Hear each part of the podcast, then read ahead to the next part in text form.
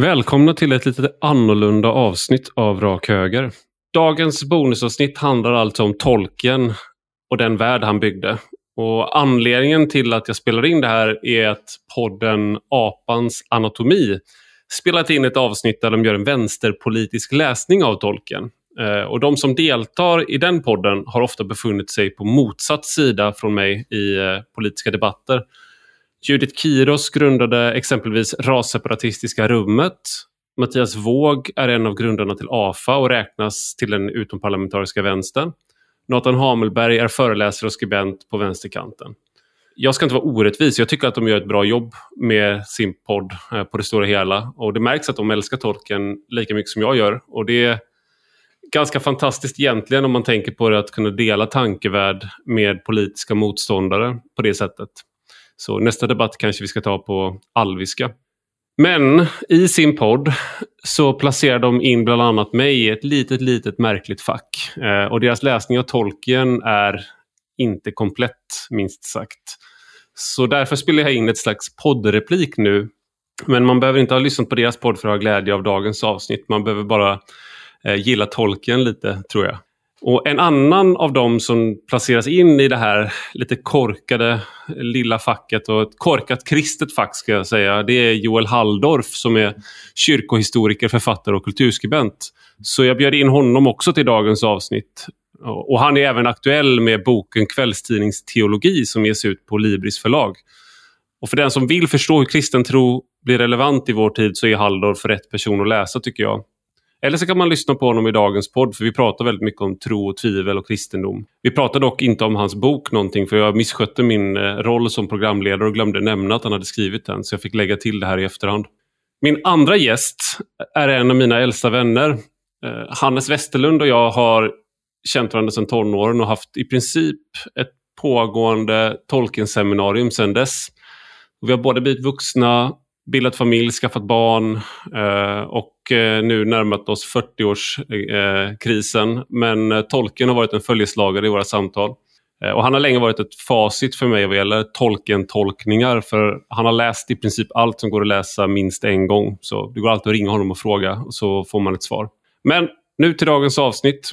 Du lyssnar på Rak Höger med mig, Ivar Arpi.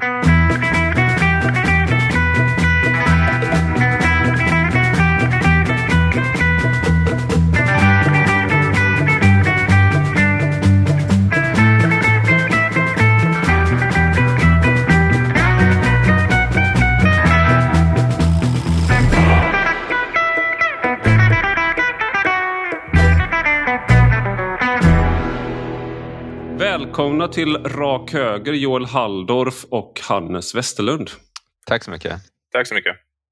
Jag tänkte vi skulle börja med dig Joel. Eh, nu har jag presenterat dig lite grann men eh, jag skulle vilja veta, vi pratar ju om tolken idag eh, och så den, liksom, den främsta inledande frågan kanske är, eller den mest logiska är, när läste du tolken?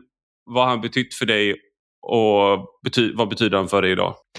Ja, precis. I ett sånt här avsnitt kanske man vill börja med att säga att jag, jag är liksom inte en Tolkien-nörd. Jag kan inte språken, jag kan inte alla detaljer i Silmarillion. Jag är liksom en vanlig bildad människa. Okej, okay, då slänger vi ut Joel Halldorf ur podden. Nej, men jag har, jag, till, till allmänbildningen som ju hör, man har läst eh, Ringen ett par, tre gånger. Man, jag har läst breven, jag har läst några biografier eh, och eh, sett filmerna och sådär. Och jag min, första gången jag läste det var när jag var 13 eh, och då var det ju en liksom, eh, omskakande mötet med litteratur som var ett epos eh, och att man hade gjort hela den här resan och man nästan, jag minns att jag nästan darrade liksom, när, jag la ner, när jag la ner det här. Det fanns som ett så här, ja, och, och, och, tvingades lämna den här vackra världen och återvända till den så kallade verkligheten som, som samtidigt var lite gråare och lite mer magisk än vad det varit innan. Så. Men sen så mm. har det ju fördjupats att jag också kommit att uppskatta tolken både så att säga som teolog och mytskapare utifrån ett teologiskt perspektiv eftersom jag själv är teolog. Och också politiskt eh, så identifierar jag mig ganska mycket med, med många av hans eh, perspektiv i någon slags... Ibland så säger jag att jag är, liksom, man, eh, inga av de här etiketterna passar ju längre, men jag säger ibland att jag är Tolkien-konservativ eh, för mm. att liksom, eh, förklara mitt, min hållning. då. Okej, okay, så det, det, är det är inte vad ska man säga, jag tror inte att det är Moderaternas uh, definition. av, det, är, så här, det är en annan, det är inte liberalkonservatism utan uh, det är Tolkien-konservatism. Tolkien, vi har inget men, parti ja. än, vi, vi, Nej, men... vi tror inte på partier så vi kommer aldrig få makt.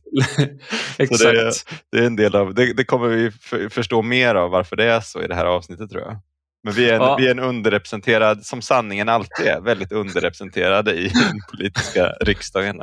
Precis. Eh, och eh, Hannes, vi, var, vi lärde väl typ känna varandra eh, delvis eh, via tolken nästan. Och sen var vi med i en, en fake för så här, gamla skolkatalogerna. Så vi gick i samma gymnasieskola.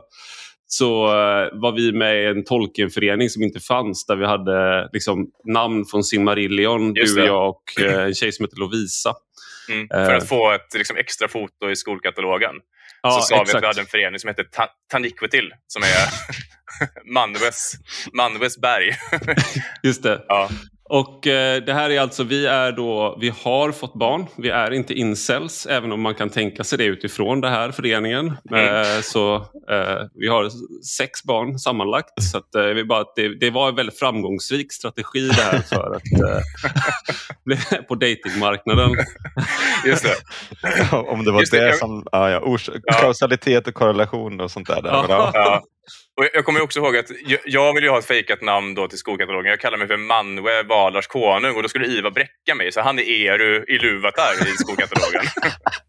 det vill säga Gud då i, liksom, i, i Tolkiens uh, alltså, gu litterär. Gudarnas gud. Gudarnas gud, ja. King of kings. Guden. Mm. Ja, guden. The, the God. Nej, men, och, så, men, så vi har känt varandra väldigt länge eh, och eh, vi har väl haft liksom ett, ett pågående Tolkien-seminarium sen vi var typ liksom 14, 15, nej, 15 ungefär. Sådär, som bara fortsatt och fortsätter. Men, men då eftersom alla lyssnarna inte har det med mig eller med dig så kan väl du berätta när du läste eh, Tolkien först och vad, vad han har betytt för dig? Mm, absolut. Och jag kommer inte ihåg om jag var åtta eller nio år gammal, men åtta eller nio år gammal var jag. Jag blev introducerad till, av Tolkien av min mamma faktiskt. Jag var som barn väldigt liksom, intresserad av ja, men, mytologi och sagor. Min mamma hade läst Odysseen för mig när jag var sex eller sju år gammal. Uh, och Jag var liksom ett läsande barn som föreslog liksom att ja, men, ska du inte läsa Sagan om ringen? Uh, och Jag minns att jag försökte läsa den men första försöket lyckades jag inte ta mig igenom den här långa prologen om hobbiternas eh, liksom piprökande och släktträd och eh, födelsedagsfirande seder. Och, ja, eh, på andra försöket så satte det igång liksom en, en, en livslång besatthet av Sagan om ringen. Nej, men jag, jag tror liksom under, ja, men, då, då var jag nog nio år gammal och så läste jag den par gånger under mellanstadiet. Sen kom ju liksom Radioteatern Sagan om ringen också någonstans där när jag var kanske 13. Eh, den har liksom 95 på, ja. ja 90, precis, exakt det var 13 ja. Den har jag lyssnat på oerhört många gånger. Sen läste jag Silmarillion på gymnasiet. Eh, sen kom filmerna. Så det här, liksom, det här berättelsen har varit med mig hela, hela livet mer eller mindre. Eh, jag hade väl liksom, det var ett par år där det var lite, intresset var lite vilande när jag var, försökte vara en seriös vuxen och läsa seriösa böcker och inte såna här barnsliga sagor. Men jag, det, jag skäms lite för att berätta det, men, men det var så det var. det är samma för mig. Det var så jag slutade läsa fantasy. Att jag, ja. jag försökte bli vuxen. Eh, Precis. Men, men, och det, jag lyckades ganska väl. Jag har väldigt svårt att kliva tillbaka i mycket fantasy, men det, det är en annan sak med, med mm, tolken. Precis. Mm. Men sen var det väl för kanske två, tre år sedan, jag kommer inte ihåg Ivar, om det var du som tipsade mig om Tolkien-podden. Eller om det var jag som, var det du som tipsade mig? Ja. Ja, precis. Eh, och det satte igång liksom det här Tolkien-intresset för mig igen. Så sen dess har jag liksom läst och läst om allting flera gånger. Liksom. Jag har liksom haft så bokprojekt. Liksom. Jag ska läsa Silmarillion först och sen ska jag läsa Lord of the Rings och sen ska jag läsa Silmarillion igen för att förstå Silmarillion lite bättre. ja, och lyssnat på Tolkien-podden jättemycket. De är, de är fantastiska. De är så otroligt kunniga och, och pålästa och, och roliga att lyssna på. Jag har också liksom lyssnat på ganska mycket engelskspråkiga Tolkien, uh, Tolkien-poddar. Uh, Corey Olsen, The Tolkien Professor. Amon Sol, en, en ortodox kristen Tolkien-podd. Mm, den är kul. Joel, Joel mm. nickade. Ja, mm. det är lite som att höra liksom en, eh, om, det här hade kunnat handla om knark. Att du, var liksom, du lyckades bli fri och ren men sen din gamla kompis in, liksom återintroducerade knarket i ditt liv och du bara blev totalt hooked. Ja. Och sen var du liksom har så här, eh, du har tagit de vanliga, på alla liksom vanliga vener är liksom, du, de är för hårda, du kommer inte få inte in så du måste lyssna på en ortodox engelsktalande podcast om tolken för att liksom kunna få samma, samma kick. Liksom. Ja, Slutan måste in under stortånageln. Det är det enda stället det liksom funkar fortfarande. precis, men vi har, du och jag vi har också pratat om att, om att våran, liksom, eller den här tolken, den nytändningen i tolkintresset, liksom, det påminner om liksom, en radikaliseringsprocess. Liksom. Eh, det har vi också skojat om några gånger. Liksom, att, ja. här, det är som en liksom, person som sitter hemma och liksom, lyssnar på, vad he, jag, jag, jag, kan inte de här, vad heter de, Anwar al-Awlaki Ja, hans, hans föreläsningar liksom, och radikalisera sig själv på sin kammare. Så har det lite grann varit för mig med tolken. jag, har inte, jag har inte gått med i någon tolkenförening. Liksom. Jag har liksom ägnat, ägnat mycket tid åt att liksom, lyssna Exakt. på Exakt. Vi radikaliserar oss själva i vår lilla tolkencell.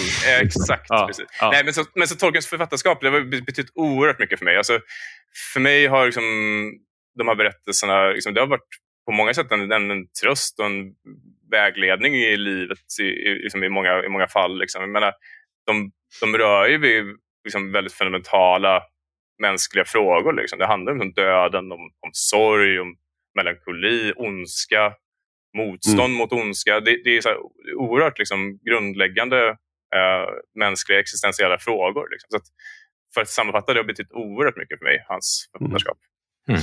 Vi ska gå, gå djupare. Jag ska säga hur jag kom in på tolken och det var eh, när jag var... Tolken fanns liksom i, i min närhet för att i, i väst, eh, eller i många västländer så var ju tolken eh, eh en del av liksom hippierörelsen och blev viktig för Greenpeace. Eh, de beskrev sig själva på sin första liksom, eh, seglats där när de skulle göra sin första aktion som att de var på väg mot Mordor med ringen. Liksom. Um, och, och, Det var faktiskt en gammal hippie, en, en kompis pappa som jag lånade uh, böckerna av. Och uh, läste, och fan, det fanns liksom, folk hade läst när de var lite yngre men jag läste när jag var 11 och vi var på Österlen och det fanns ingen tv, det fanns en radio men det fanns liksom ingen underhållning, det fanns ingenting att göra. Och jag låg vaken till liksom tre på natten och läste. Eh, vilket var typ första gången jag var vaken så länge. Och bara blev helt hänförd. Och sen har jag läst om. Så läste jag på engelska sen. Och sen så vandrade jag in i fantasyn. Liksom. Och sen har jag väl återvänt till tolken väldigt mycket. Jag, för min del, det kommer jag komma in på också, så har jag får man kalla, bråkat med tolkens eh, eh, moral och mytskapande. Eh, och inte alltid hållit med eller liksom haft problem med vissa saker som han framställer. Men det är liksom en på en estetisk nivå och på liksom en så här, som grundläggande, liksom, att man, den här magin som man upplevde som liten, den finns fortfarande kvar. Och den, liksom, när jag läste om ganska nyligen på engelska så uppskattar jag andra delar av böckerna också. Mm. När jag var liten så uppskattade jag väldigt mycket de här striderna och det gör jag fortfarande såklart. Då och tyckte äh, det som actiondelarna var coolast. Så att säga Legolas, Gimli, Aragorn. Liksom. Och nu när jag läste om så är det snarare Frodo och Sam och deras resa som var... Uh, jag trodde verkligen inte att det skulle vara så men det, det är där jag verkligen var allra mest gripande och vad de upplever. Men jag tänkte vi skulle gå in nu och gå lite djupare. För så här är det också då att en anledning till att vi spelar in den här podden är att jag och eh, du Joel, vi har blivit förtalade. Ja, eh, grovt i, eh, alltså. Grovt förtalade. Utskrattade, hånade och sågade. och du är, liksom, du är en korkad, eh, platt kristen som, mm. som bara ser Gud överallt. Och jag är någon slags korkad konservativ som bara vill liksom bakåtsträvare som inte kan förstå hur någonting överhuvudtaget kan fortskrida framåt. Och det här är då i podden Apans anatomi mm. som eh, Mattias Våg gör för Brandmagasin och eh, i, det senaste avsnittet, eh, som, som jag, jag rekommenderar verkligen, liksom, vi kommer spela upp lite klipp från det, så är även Judith Kiros med kulturskribent och har på mycket med eh, antirasistiska frågor och sådär. Jag har skrivit om henne och, och tror hon har skrivit om mig också. Och Nathan Hamelberg som är eh, ja. ja vem är han? En sympatisk kille på Twitter. Ja, äh, vänsterkille, vänsterkille. Men han, han, är med i många sammanhang. Äh, det här känns så här nedgörande mot honom. Jag, inte, jag borde ha kollat upp vad, vad han är. Men grejen är att han har funnits i min... Jag, jag, tror vi har känt varandra via Twitter i tio år nu eller någonting och bråkat och sådär. Så till slut så blir man nästan kompisar. Eh, sådär. Men är inte det liksom något så intressant, så här väldigt Tolkieneskt också att relatera till honom som person, inte titel eller yrke eller sådär. Nej, är, exakt. Ja. Vi pratar ju med varandra. Liksom. Mm. Men då, de har ju då, anledningen till att de spelade in sitt avsnitt var med utgångspunkt i att Mattias Våg, precis som vi här då, lyssnar på Tolkien-podden. Jag tror aldrig de har blivit så liksom, omtalade på så kort tid i så många poddar. Eh, men han tyckte att det saknas den där politiska dimensionen. De har mm. inte spelat in politiska avsnitt. Nu spelar de in sitt senaste avsnitt om eh, när Fylke rensas, det som händer i slutet som inte är med i filmerna, då det är ju den mest, kanske den allra mest politiska delen i tolken. Men det är även den apans anatomi handlar om och de gör ju sin läsning då i apans anatomi. Jag tänkte vi skulle börja där. I apans anatomi så framställs tolken som någon slags anarkist, så här, liksom nästan antipolitisk eh, och då när man, många har gjort läsning av tolken som att han var konservativ och eh, han beskrivs ofta som konservativ och det finns mycket som är sagt om det. Men då i Apans anatomi så gör de snarare en läsning av honom som att han är anarkist och att de här det konservativa, att de inte riktigt förstår hur man kan läsa in det. För att mm. i Tolkiens värld så är de eh, de som vill konservera och hålla kvar vid allting exakt som det var, det är liksom en synd så att säga i Tolkiens värld. om det så är eh, alverna med sina ringar som försöker att frysa tiden i Lothlorien till exempel, eh, Galadriel, eller om det är i i Gondor, att man försöker att man bevarar allting på precis samma sätt och man blir mer, liksom, man är mer bekymrad av att bevara så att säga, blodslinjen ren än att förnya riket. och sådär. Mm. Så att då att de menar att den här läsningen av tolken som konservativ är fel och snarare att han är anarkist. Eh, och då tänker jag, är det här en liksom, läsning av tolken som ni håller med om? Och, eller liksom, vilka brister finns det i det och vad gör ni för läsning där? Ja, Joel?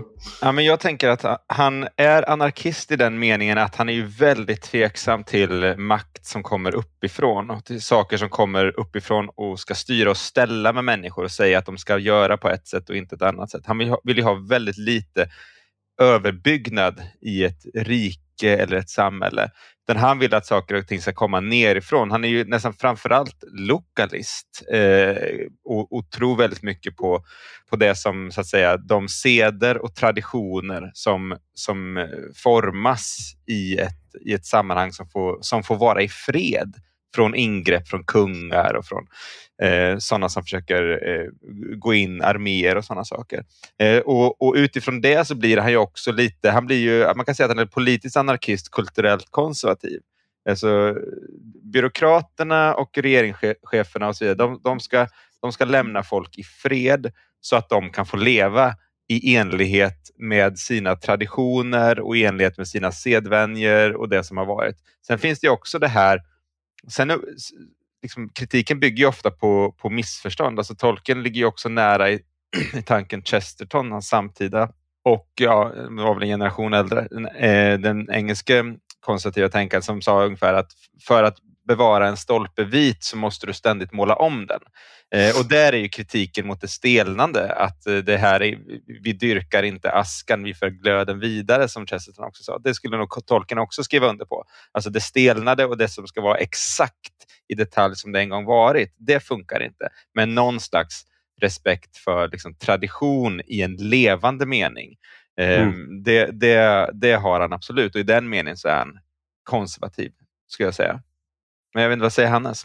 Ja, jag tycker typ många bra, många bra poänger. Alltså, mina tankar när jag lyssnade på apans anatomi var att alltså jag, jag tycker de, de lyfter fram mycket av Tolkiens liksom, maktkritik och, och det finns ju uppenbarligen mycket att hämta där om man är vänsteranarkist. Liksom, ja, men uppenbarligen eftersom de, eftersom de gör det. Men jag tycker också man, jag tänker också, man måste också ignorera väldigt mycket hos Tolkiens skrivande och liksom hos hans biografi för att lyckas göra honom, gör, lyckas göra honom till, till, till, till en vänsteranarkist. Uh, jag tänker till exempel på, men Judit tar ju upp ett brev, brev nummer 30, där Tolkien skriver till liksom en, en tysk förläggare som vill ge ut Just det. Och det kan vi spela upp här. Vi spelar upp det så kan alla höra det. Tolkien vägrade ju bland annat intyga till sina tyska publishers, sina tyska ja, publicerare då, att han, att han själv var arier. Och hade också sagt så, ja men så vitt jag vet är jag tyvärr inte besläktad med det oerhört kreativa judiska folket liksom. Eh, i, i, ett annat, I en annan kommunikation då. Men, men till dem vägrade han ju göra det och han pratade också mycket om nazismen som ett förfulande av eh, germansk tradition. Ja, och det här är liksom oerhört... Jag menar, det är väldigt... Det, det, är sympatiskt och man är ju glad som tolken fantast liksom, att, att han tar ställning på det här sättet mot, mot nazisternas liksom, rasideologi, självklart. Liksom. Men det som, liksom lite, så här, ja, men som lite skaver här, är liksom, att, att okay, hon väljer ut det här brevet för att liksom, ja, men det stämmer överens med hennes liksom, politiska, politiska ståndpunkt. Men, men, men liksom, glöm, glömmer bort då, eller vet inte om att, att Tolkien i andra brev eh, uttalar liksom ganska starka sympatier för Franco som försvarare av den katolska kyrkan i Spanien till exempel. Så man får, liksom, man får ha ganska, ska man säga, eh, man får vara lite enögd för att försöka liksom göra honom till en någon slags eh, anarkist på det sättet som de här personerna menar med anarkist, tror jag. Mm. Um, ja, så min ja. poäng är, men, men, men, min poäng är att jag, jag, jag, behöver inte, jag behöver inte hålla med honom om hans politik för att älska hans författarskap. Uh, och, mm. och en, den andra poängen är väl kanske att jag tror att det är lättare för, en, för någon som är konservativ att göra tolken till sin egen än, än, en, än för en anarkist att göra tolken till sin egen. Man behöver inte blunda för lika mycket liksom, uh, i hans uh, skrivande. Det finns ju en, jag, jag, tänker med, det finns en likhet i eh, konservatismen och anarkismen i den här, ibland i just den här att man vi är motviljan och misstänksamheten mot central styrning mot att det kommer människor så att säga ovanifrån eller från sidan och ska planera eller diktera eh, hur människor ska leva sina liv eh, och sådär. Det som konservatismen har som kanske anarkismen saknar är ju att man ofta har ändå en tro på en, så att säga, en centralmakt som kan upprätthålla någon slags eh, ordning eh, yttre mot yttre hot. Som har, vad ska man säga, om man pratar med, med nyliberal tunga, eh, nattväktarstat som sköter de sakerna. Där finns det ju så att säga hos tolken en tanke, alltså, jag tror han skriver också att han, det bästa hade varit en kung som inte gjorde så mycket. Mm. Ungefär. Det är inte så anarkistiskt.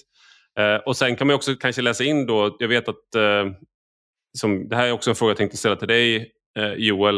Eh, men liksom att utbygdsjägarna då som Aragorn eh, och hans, hans tappra, tappra killar. De håller ju fylket tryggt och Bri också utan att fylke vet om det och utan att Briborna vet om det.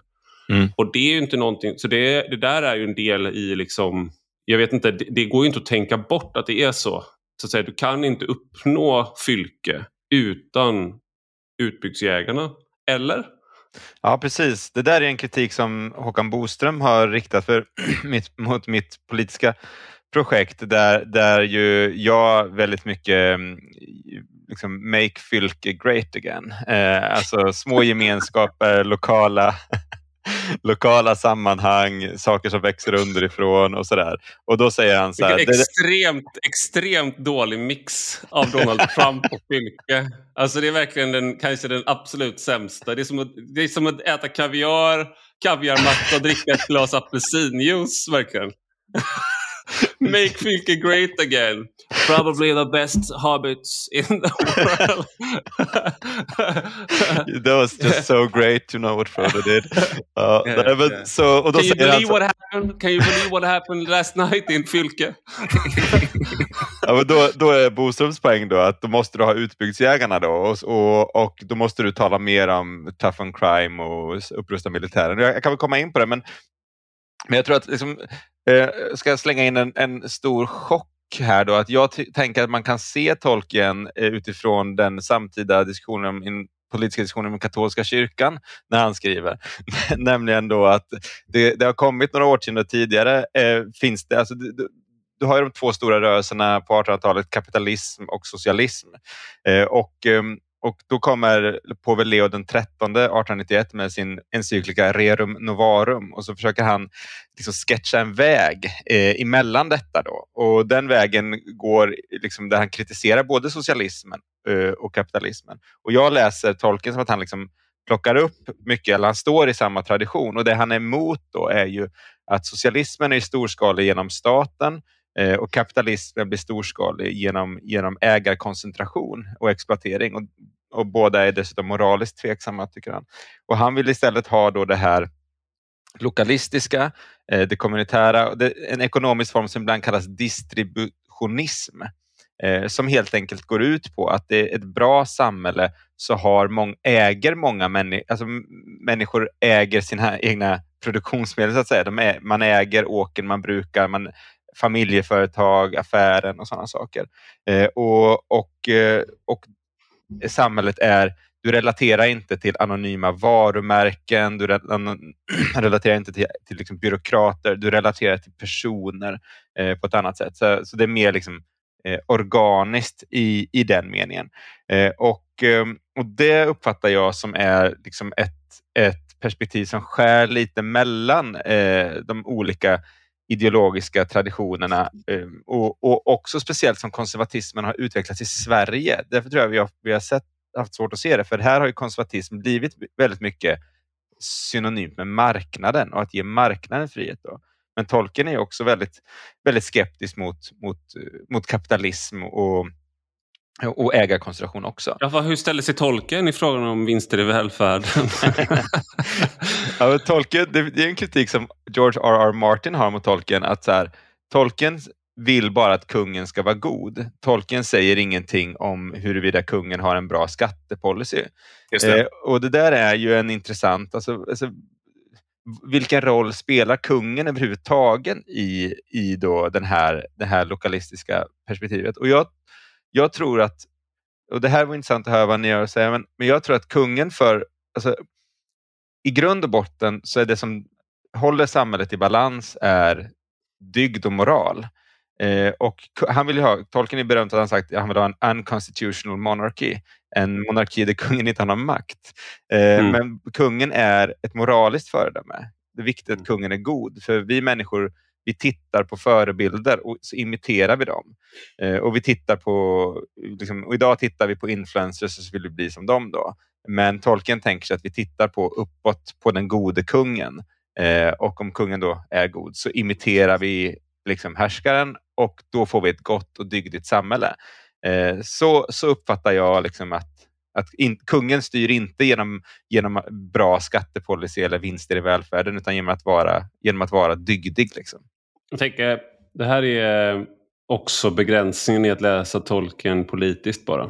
För att eh, och det, just den här skatte, skattepolicy-biten blir liksom eh, det är så uppenbart icke-tolkenskt. Mm. För att eh, eh, om man skulle blanda in den typen av eh, liksom vardagliga eller väldigt jordnära frågor i det så förlorar det sin mytiska kvalitet.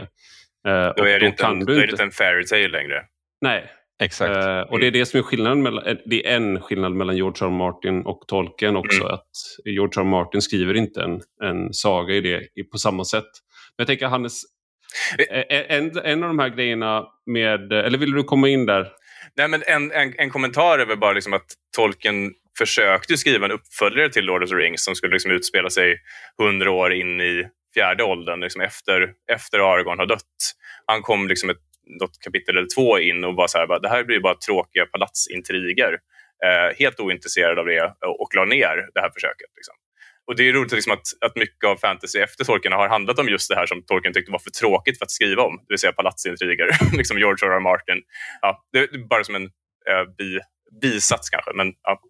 Den avför, när, när, världen är, alltså det här är ju det liksom de, när det här utspelar sig så är ju magin på väg bort från världen. Alltså det är så här, man ser i den extended version så är det med i, i, i första filmen men att, och det, i böckerna är det med när de träffar eh, högalver, eh, Gil och Gil, Gilgorion, Gildorion, mm. när de är på väg till eh, Grå hamnarna för att resa över havet. Så att alverna är på väg bort från världen, magin är på väg bort från världen och när när ringen slutgiltigt, spoiler alert, när ringen väl slutgiltigt eh, liksom smälts ner då i domedagsberget så eh, försvinner ju liksom kraften ur de andra ringarna. Då försvinner slutgiltigt magin ur världen. Eh, så det här är ju liksom den sista skälvande stunden av förtrollning mm. som skildras. Och när man då ska skildra palatsintriger då är ju det det här är ju det som George R. Martin nästan med drakäggen när drakarna eh, kommer tillbaka. Så han skildrar ju så att säga på nyttfödelsen i magin där. Men mm. Så det, det, finns ju vissa sådana där element. Men jag tänkte ändå mm. fråga här med, med liksom din... Eh, Tolken var ju väldigt kritisk till så att säga, industrialiseringen och den här liksom att du trappar upp det småskaliga till det storskaliga. Den här rörelsen från eh, liksom det rurala till det urbana. Eh, från liksom eh, jordbruk till industri. Och han älskade träd.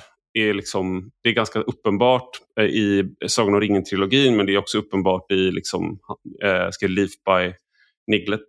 Va? Leaf by Niggle, ja. Yeah. By Niggle. Mm. Eh, så om man då ska försöka göra tolken till sin som höger blir det där eh, ett problem nästan. För att idag är det snarare de där tankarna är någonting som förknippas med med vänstern och med människor som är liksom oroliga för klimatet och mm. sådär.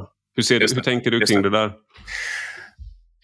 Det är, en, det är en väldigt bra fråga. Det är, som, det är som du säger, liksom att, att där sätter man på ett problem om, vill, om man vill, liksom vill som, då, som svensk mainstream höger vill göra tolken till sin. Då, då kan man liksom, eh, de flesta kanske då inte eh, liksom, göra de här miljöfrågorna riktigt till sina. Det, eller i alla fall i Sverige så är det liksom Miljöpartiet och, och vänstern som mer äger de frågorna kan man väl säga. Men, och jag tror liksom att um, men det har inte alltid varit så, så, heller. Tolkien var ju inte ensam på sin tid om att vara liksom konservativ eller liksom åt, hö åt höger och lyfta de här miljöfrågorna. Liksom.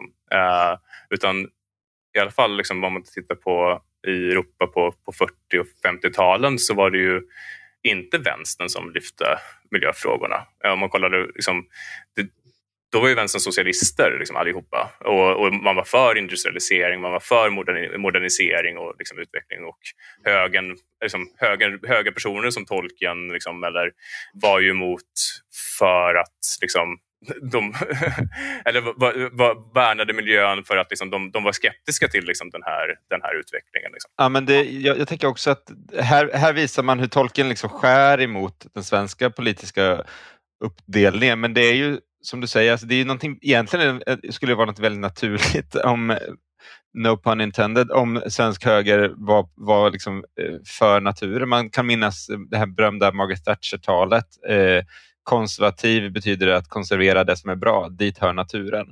Eh, och också en, en, finns ju en, den här modernitetskritiska skepsisen som finns i viss typ av, av konservatism som ju inte finns i, i liberalismen på samma sätt som är mer liksom, modernitetskramande. Där, men där finns det ju så en, en ins, idé om att eh, människan eh, bär på ett mörker och om hon expanderar hejvilt så kan hennes eh, kultur och det vi bygger kan, kan skada natur på olika sätt. Då. Eh, I samhällssystem, skada relationer och så någon slags eh, liksom insikt om människans mörker på, på något sätt. Eh, och då är det ju en naturlig tanke att ehm, vår e-, expansion av våra industrier och e-, att utarma jorden och sådana saker kan vara ett problem för natur och ekosystem. Och jag förstår inte riktigt faktiskt varför. Och det vore intressant att höra vad du tänker om det Ivar. Alltså varför inte detta är mer av en, en liksom, är det bara kulturkriget som har gjort att så okay, det där hamnade hos vänstern, då får vi liksom förneka, liksom förneka det eller tona ner det. Eller varför man, går man inte in och, och, och, och, och blir mer, mer, mer ekologisk, mer ek, explicit så? Jag tror att eh, det finns nivåer på det här, för jag är själv eh, ganska liksom, mån om miljö och natur och sådär och tänker på vad jag konsumerar och, liksom, eh, och sånt där. Eh, även om jag förstår att det behöver göras på en annan nivå än med liksom konsument, enskilda konsumenter som köper liksom lokal mjölk. Även om det, jag gör just de sakerna. Liksom, jag betalar gärna 4 kronor extra per liter mjölk. Eller inte gärna, men jag gör det i alla fall. För att liksom stötta lokalt och ekologiskt kravmärkt och sånt där. Eh, samma sak med naturbeteskött och sånt där. Det finns sätt att göra de här grejerna på. Men eh, jag tror att det, det är väl egentligen den här begränsningen som klimatet sätter på all politik som jag tror är hela så framstegsberättelsen som finns inom både socialismen och eh, liberalismen och liberalkonservatismen är hotad av den. Och det är ju att vi med hjälp av teknologi, med hjälp av ökat välstånd, tillväxt så kan, vi, kan alla båtar stiga. Det, finns liksom, mm. det lyfter människor ur fattigdom och allt det där. Mm. Och sen så är då den här klimattanken, den är ju så att säga sätter ju en absolut begränsning på den, den, framsteg, den teleologin om man ska prata teologi. Mm. Det här, vi, vi är på väg mot en bättre och bättre värld med hjälp av vår, liksom, men, våra, vår teknologi, vår, våra innovationer och sen så säger någon att nej, ni ska sluta. Det, sådär, och ni måste hela, så att det hotar hela det bygget och det tror jag är en anledning Eh, till att man det är väldigt, det, jag tror att det är väldigt svårt att inkorporera det eh, för att det helt enkelt det slår mot grunden på eh, hur man ser på världen. Och där inser man också hur radik radikal tolken blir, för han är ju inte en så här till, han, han utmanar tillväxtberättelsen, skulle man kunna säga. Han är inte mm. mot framsteg och sådär, men han är hela tiden medveten om att det, kom, det finns andra värden, typ relationer, traditioner, kultur, lokala sedvänjor, hur man firar födelsedagar och sådana saker. Eh, och de hotas av det här. Så att det liksom, går du framåt för hårt så kan du förlora någonting då, eh, mm. av de här andra värdena. Men, så det, det, är en väldigt radikal kritik av både... Men, men hela vårt system bygger på, på BNP-tillväxt. Annars så, så, så kollapsar ju vår maskin. Vilket mm. för oss in kanske på ringen själv så att säga. Det är lite det som är mm. Ja, jag, jag tänkte vi skulle kunna prata om, om ringen för att det där här är ju liksom ja, boken heter Lord of the Rings på, eh, på engelska, Sagan om ringen på, på svenska, första boken då. Eh, eller Härskaringen, trilogin. Eh, och, så ringen är ju helt central och hur ringen liksom, hur den utövar makt och vem det är som har den makten och om man kan använda ringen, vem som kan använda ringen och vad den symboliserar tänkte Hans, kan inte du som, gå, gå in lite på vad ringen symboliserar och, och varför tolken kanske skulle ha vänt sig mot till exempel en tolkning att det är eh, kärnvapen. Just det, precis. Vi kan börja med att bena det här med, med, med, ringen som en allegori, allegori för kärnvapen. Och tolken, det kan man säga att tolken vände sig kategoriskt mot liksom alla försök att läsa Lord of the Rings som ett allegoriskt verk. Eh, där man, väl, där man var extremt tydlig många gånger med att så här, det här är inte en allegori för någonting i den verkliga världen. Det här är en, det här är en berättelse, det är en saga. Mm. en uh, allegori är liksom det, det som C.S. Lewis skrev Häxan och lejonet där liksom lejonet Aslan är, är 100% Jesus. Är Jesus liksom. eller, jultomten eller, är med som jultomten. Det är, liksom, det, är inte ja. en all, det, är, det är en allegori rakt av ja. för, för eller, eller, eller, George Orwell, uh, Animal Farm, uh, som mm. liksom är en, rakt av en allegori, allegori av ryska revolutionen där karaktärer i Animal Farm är Stalin eller Trotskij. Eller liksom. Men Tolkien pratade om, om ska säga, det engelska uttrycket han använder, uttrycket han använder är applicability, eh, alltså tillämpbarhet, som han tycker liksom är bättre sätt att läsa Lord of the Rings på. Då. Man, kan, man kan som läsare liksom se att berättelsen är tillämpbar på olika scenarier och olika saker i, i den verkliga världen. Liksom. Men, mm. men det, är, det, är inte rakt av en, liksom en ersättning, liksom, det är inte en allegori. Um, Och ringen, jag menar så här, ringen är ju intressant. Jag kommer ihåg när jag var barn så tänkte jag så att ringens, ja, men ringen, ringens effekt är att eh, man blir osynlig när man tar på sig den. Eh, det, det, är det, det är det ringen gör. Ja. för det, för det, är ju det, det är det den gör de flesta gångerna i berättelsen när någon tar på sig ringen. Då blir de osynliga och försvinner.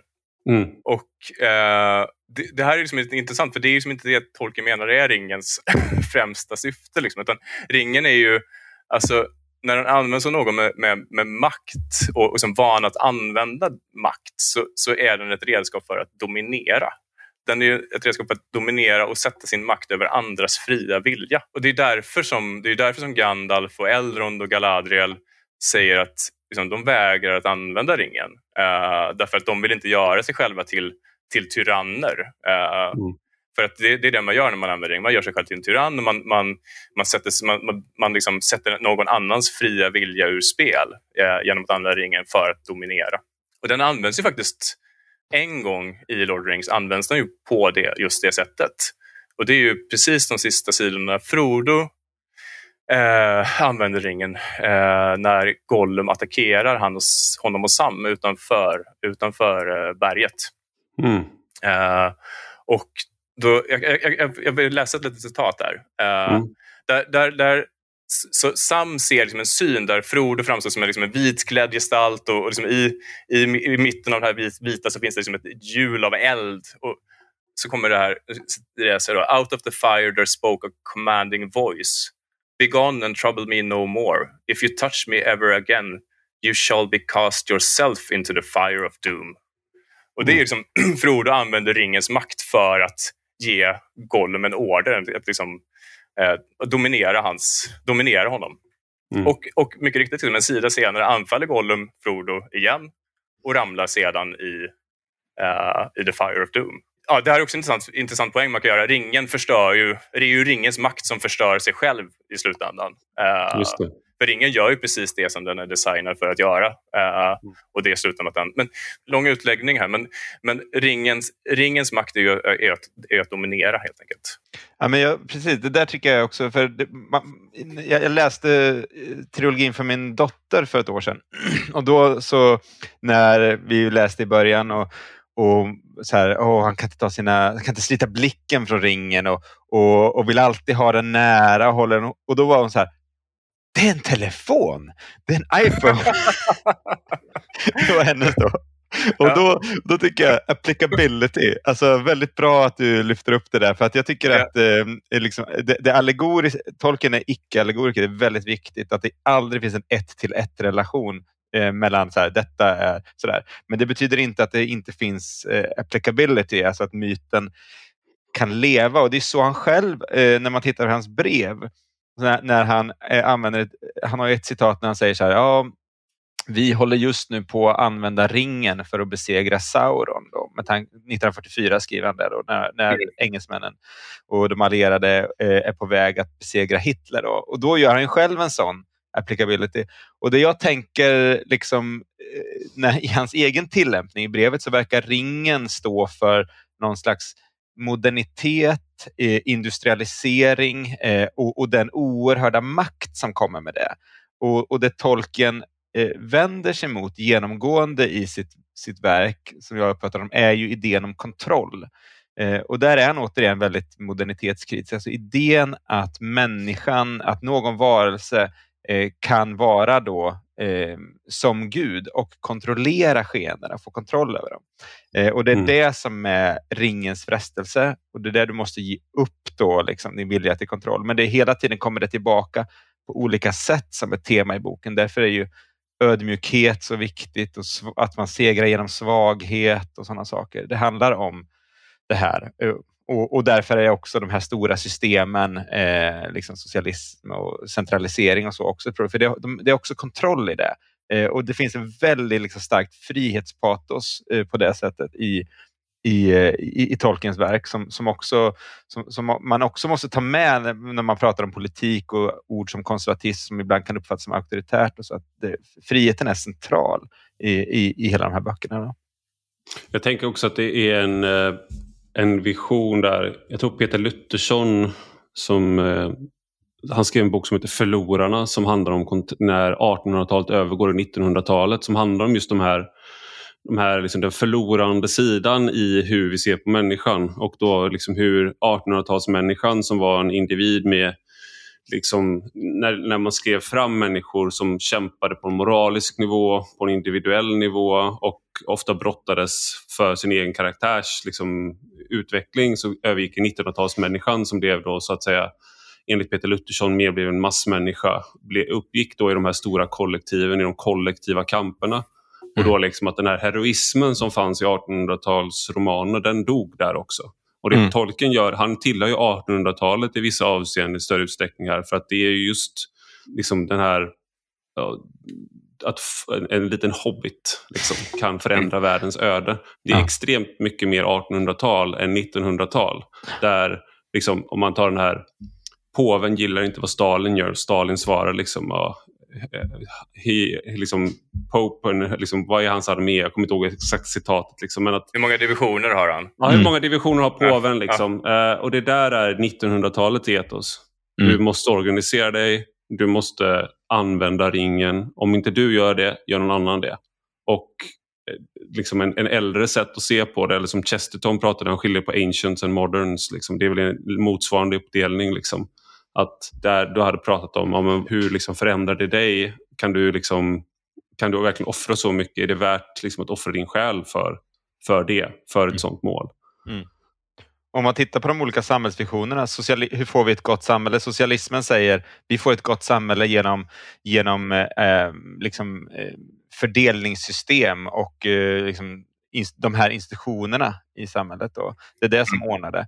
Och, och Adam Smith eh, i liberalismen säger ju att här, vi behöver inte moral utan det är ditt egenintresse som, som bara, liksom, om du leds av ditt egenintresse så kommer liksom summan av alla egoistiska handlingar blir ett gott samhälle.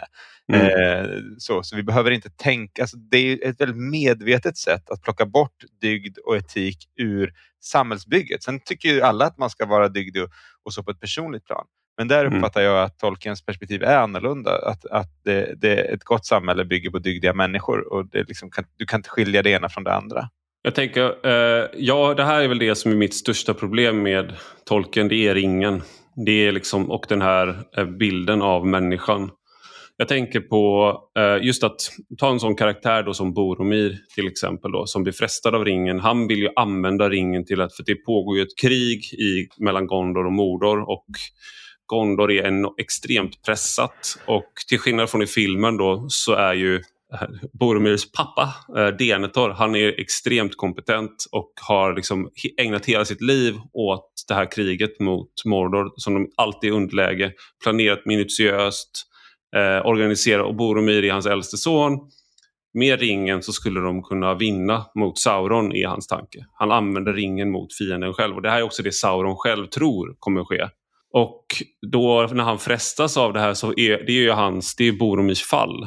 Precis som det har varit liksom andras fall i den här, liksom när man vill använda så att säga ringen till gott så eh, faller man. Liksom. Och det här är liksom en gammal kristen liksom, insikt som återkommer i olika sätt. Liksom att man vill skapa himmelriket på jorden och när man vill göra det så, så blir det, leder det till sin motsats. Och också om man då har i, som tolken beskriver, att jag tror det är ett brev, eh, men att när Gan, om Gandalf, så att säga, när du har väldigt goda avsikter så kan du använda ringen till något gott ett litet tag. Men det kommer alltid vridas, du kommer alltid bli korrumperad liksom, förr eller senare. Och det här är mitt problem då med, med hela liksom, mytologin, är att om man jämför då med George R. R. Martin som vi pratade om med, med Game of Thrones, första säsongen, spoiler alert, Eddard Stark som leder då det huset i norr, han får en eh, möjlighet liksom att eh, ta, han avslöjar en komplott, han avslöjar liksom att eh, kungen Robert Baratheons eh, barn ihop med Cersei Lannister inte är hans biologiska barn. Han hittar bevis för de här sakerna. Han konfronterar Cersei. Och, Eh, får liksom, och då närmar sig då, Robert Baratheon har dött men hans eh, lillebror lever och säger liksom att vi måste agera nu, Eddard. Vi måste, liksom, vi måste agera mot Cersei nu, annars är det för sent. Eh, och han säger nej, jag kommer inte liksom göra det, för det är inte rätt. Och sen då när han ska konfrontera Cersei så har ju Cersei, liksom, hon har ju planerat, hon har ju agerat under den här tiden. Hon har inte rätt, men hon vinner. Så you, when you play the Game of Thrones you either win or you die, Mm. tror jag hon säger. Mm. Och Eddard Stark blir av med huvudet och det här var helt chockartat när jag läste det här i boken. Liksom. För Eddard Stark är ju en karaktär ur liksom, han är en karaktär som hade belönats i Tolkiens värld. Mm. Och i George R. R. Martins värld blir han av med huvudet. Och jag måste säga, att hur mycket jag än älskar tolken så är det klart att Boromir skulle ha fått ta ringen till Minas Tirith och använda mot Sauron. Det. Det är klart. Ja. Men det där är så, det där är så intressant, apropå, alltså, alltså, apropå Boromir och, och, och ringen. Och det, det, där är ju, det där är också, en annan aspekt av ringen är ju också att den är beroendeframkallande. Och, och för att återknyta till dig Joel med telefonen, den är ju också beroendeframkallande. Liksom. Men man kan ju se Gollum som en stackars missbrukare som, som inte kan få sin fix. Liksom. Han, han, han lider ju något fruktansvärt. Eh, men, men, men med Hans mamma har tagit hans Playstation. Hans mamma har tagit honom. Precis, du får, nu blir, får, får du inte spela. Nej, men, men, så här, men, så här, men det, det ringen gör med Boromir, alltså precis när, när den frestar honom, är att han börjar ju med, alltså den, den, den, den Um, han, börj han börjar med så här, men, men Frodo, ska du inte komma till, till Minas Tirith? Vi, det finns mycket gott vi kan göra med ringen. Uh, om vi bara kunde få styrkan att försvara oss. Sen sätter det här igång en monolog som Boromir håller. Och den slutar ju med att han är en stor segerrik kung liksom, som, som störtar Baradur. Och, liksom. då, då, har han, då har han helt glömt bort liksom, att uh, uh, vad heter det, hans pappa är uh, steward i Gondor och att liksom, mm. han, liksom, det är hans pappa som bestämmer. Utan han har förvandlat sig själv till en kung. Liksom. Han, har, han, har, han har dragits igång, han har dragits igång av de här liksom, liksom, kan man säga, eh, stormaktsfantasierna liksom, som, som ringen eh, frestar honom med. Liksom. Han, är liksom, han är redan han struntar i sin pappa. han struntar i Gondor. Han tänker bara på sin egen makt och uh, sin egen härlighet. Liksom. Så redan, liksom, all på, the glory. all the glory till, till, till Boromir. Um, så så, så det, det är liksom bara på liksom några minuters monolog så har han redan rört sig hela vägen från de goda intentionerna till tyrannen liksom på, som, som tar Saurons plats på, på, uh, i Baradus torn. Uh, mm. Det, det, det, tog några minuter för honom att röra sig lite i tanken. Liksom. Ja, och jag tror att det, det, det är precis, alltså, för, för, för det ena temat här är liksom makt korrumperar. Eh, mm. liksom det klassiska burkianska, liksom, hela amerikanska revolutionen, den tanken och, och så. Eh, och ingen det är en väldigt modern tanke. Ja, jag. Alltså det, det, det, är inte något som finns i liksom, de anglosaxiska källorna, liksom, där att makt korrumperar direkt. Nej, Nej att, att, att, att, orden hade en ring som hette Draup, Draupner, det var ju liksom som kunde... Det var ju bara bra. Fler ringar. Ja, exakt. Ja. Alltså det, det, finns i den här, de här myterna som tolken byggde på, där var ju liksom, det hade varit helt absurt att väva in att den här ringen som ger så mycket makt och liksom så att mm. nej, nej, det, det korrumperar. Mm. Alltså. Du måste förstöra den. Vad, vad pratar ni om? Det, den är ju mäktig ju. Mm. Och guld. och här kommer det liksom så här, alltså, här kommer den, den, den kristna tematiken. Alltså an, om du använder maktkontroll, om du använder onda medel, destruktiva medel, maktkontroll eh, för att göra gott, då är det ett tecken på att du tror att du kontrollera världen. Då är det ett tecken på att du tror att du är Gud. Eh, vad var det som var ditt namn i den där, i den där elevgruppen, eh, Ivar? Eru i Luvatar. det är verkligen eh, så här, liksom, eh, högmod 101. Exakt. Då. Och det, det, är det, det, är, det är liksom så här, eh, man äter liksom, eh, liksom eh, trädet, frukten ur Eden för att Alltså det finns någonting i det där eh, väldigt... Alltså du, eh, du måste lita till försynen. Eh, du kan, inte se, du kan inte se hur saker och ting kommer att gå. Boromir kan kalkylera med sitt kalkylerande förnuft att om vi inte har ringen då kommer det gå åt skogen och därför måste jag ta ringen och nöden har ingen lag, det kräver av mig. Även om det är farligt och riskabelt och jag kommer tvingas liksom, Eh, ta den från Frodo till slut då, så måste jag göra det för jag kommer kunna göra gott. Men mm. problemet är att han tror då att det är han som styr världen, att det är hans ansvar hur allt kommer gå eh, och att han måste agera. Och han har inte tillit till försynen som ju är en väldigt aktiv, eh, väldigt osynlig men ändå väldigt aktiv kraft i ringen-trilogin som på mm. olika sätt eh, kommer in. Och Gandalf litar ju hela tiden till försynen eh, för att det är det här omöjliga uppdraget de är ute på som, som liksom inte har någon chans att klara sig och ingen tror att de ska kommer klara det men ändå så gör de det för att det är det rätta. Mm. Eh, så gör det rätta och, liksom, och det är inte utilitarism här. Det inte liksom kalkylera dig fram till vad som är det moraliskt rätta utan bara gör det utifrån dygderna heder, trofasthet, lojalitet och sådana saker. Mm, mm, just det. Och det där är intressant, bara flika in så här att redan i det andra kapitlet eh, så kan ju inte, när, när Frodo och Gandalf pratar och, och, och Gandalf säger men eh, släng ringen i brasan här. För Frodo klarar ju inte av det, att göra det liksom i, i början, när han är i fylke. Liksom. Eh, mm. han, så Gandalf får ta den från honom och säga men jag, jag, lägger den, jag lägger den i brasan åt dig. Så det, det finns ju redan där tecken, så här, men Frodo kommer inte kunna klara av att förstöra ringen. Liksom. Uh, så det, det, blir lite ett mysterium. Så här, varför skickar Gandalf ut honom på den här mm. resan när, när, när han inte ens hemma i fylke kan lägga den i en, i en, liten, i en liten brasa för att han är rädd att den ska gå sönder? Liksom. Mm. Jag tror att det här är också, jag tror att det här är en, mm. det finns ju en karaktär som i, i uh, det här tror jag Nathan Hamelberg, han återger inte det här, men vi har, vi har pratat lite om det här då på, på DM på Twitter, så här, men han återger inte det här så helt korrekt, Japans anatomi. Jävla Nathan alltså. Nej men eh, karaktären Denethor då som är rikshovmästare eh, i eh, Gondor, då han är inte riktigt kung då, vilket är symboliskt för eh, också på, på en nivå. Och han är då far till Boromir och till Faramir. Men han är, i, i filmen är han liksom en äcklig gubbe som sitter och äter körsbärstomater och förstört körsbärstomater för liksom en hel generation av Tolkien-älskare. Han sitter liksom och smaskar körsbärstomater med, med, och har skickat sin son Faramir till en säker död och så ska liksom stå Pippin bredvid och liksom titta, bevittnar detta, denna massaker på körsbärstomater. Liksom. Eh, men i böckerna så är han ju en helt annan karaktär. Där, säger, där beskrivs han som att han är mer trollkarlslik än någon trollkarl. Och han är liksom den mest respektingivande eh, eh, personen som, som Pippin har sett. Och han är extremt kompetent. Han kan liksom all the ways of the world så att säga. Han vet, han kan den här världen och han mm. har styrt Gondor liksom, till den ytter, sin yttersta förmåga. Han sover med sin rustning på. Det här är liksom inte en man som gör saker med... Han skulle aldrig skicka ut Faramir till en säker död som man gör i filmen, den här delen. Däremot, han har ju sett då i... Han har, han har en palantir och han har ju sett eh, vad som, att, att Frodo och Sam har tillfångatagits i palantiren. Det här kvällen innan. Då. bara Frodo, inte Sam. Nej, bara Frodo. Ja, Frodo. Ja, precis. Frodo har blivit tillfångatagen. Han har sett ja. det i Palantiren. Han, har helt en, han ser hur stora arméer Mordor har. Han ser allt det här. Mm. Och när Frodo då tillfångatas så liksom han tycker att det är helt absurt att i det här läget ha litat till en försyn. För det finns inga tecken i den här världen på att den finns. Mm.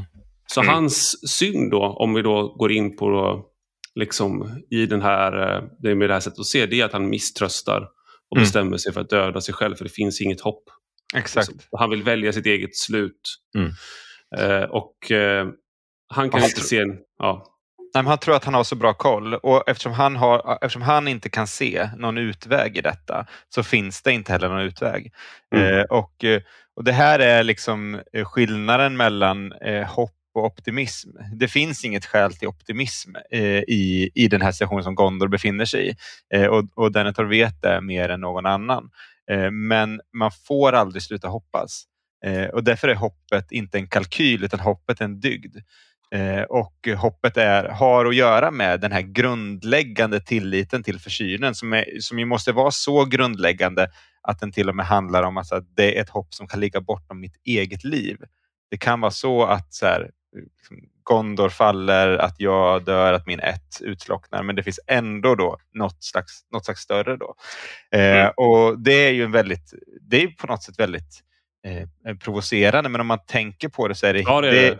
det, är hela, det är hela liksom logiken i ringen. Eh, mm. du, du, ska inte kalkylera, du ska bara hoppas och lita till försynen.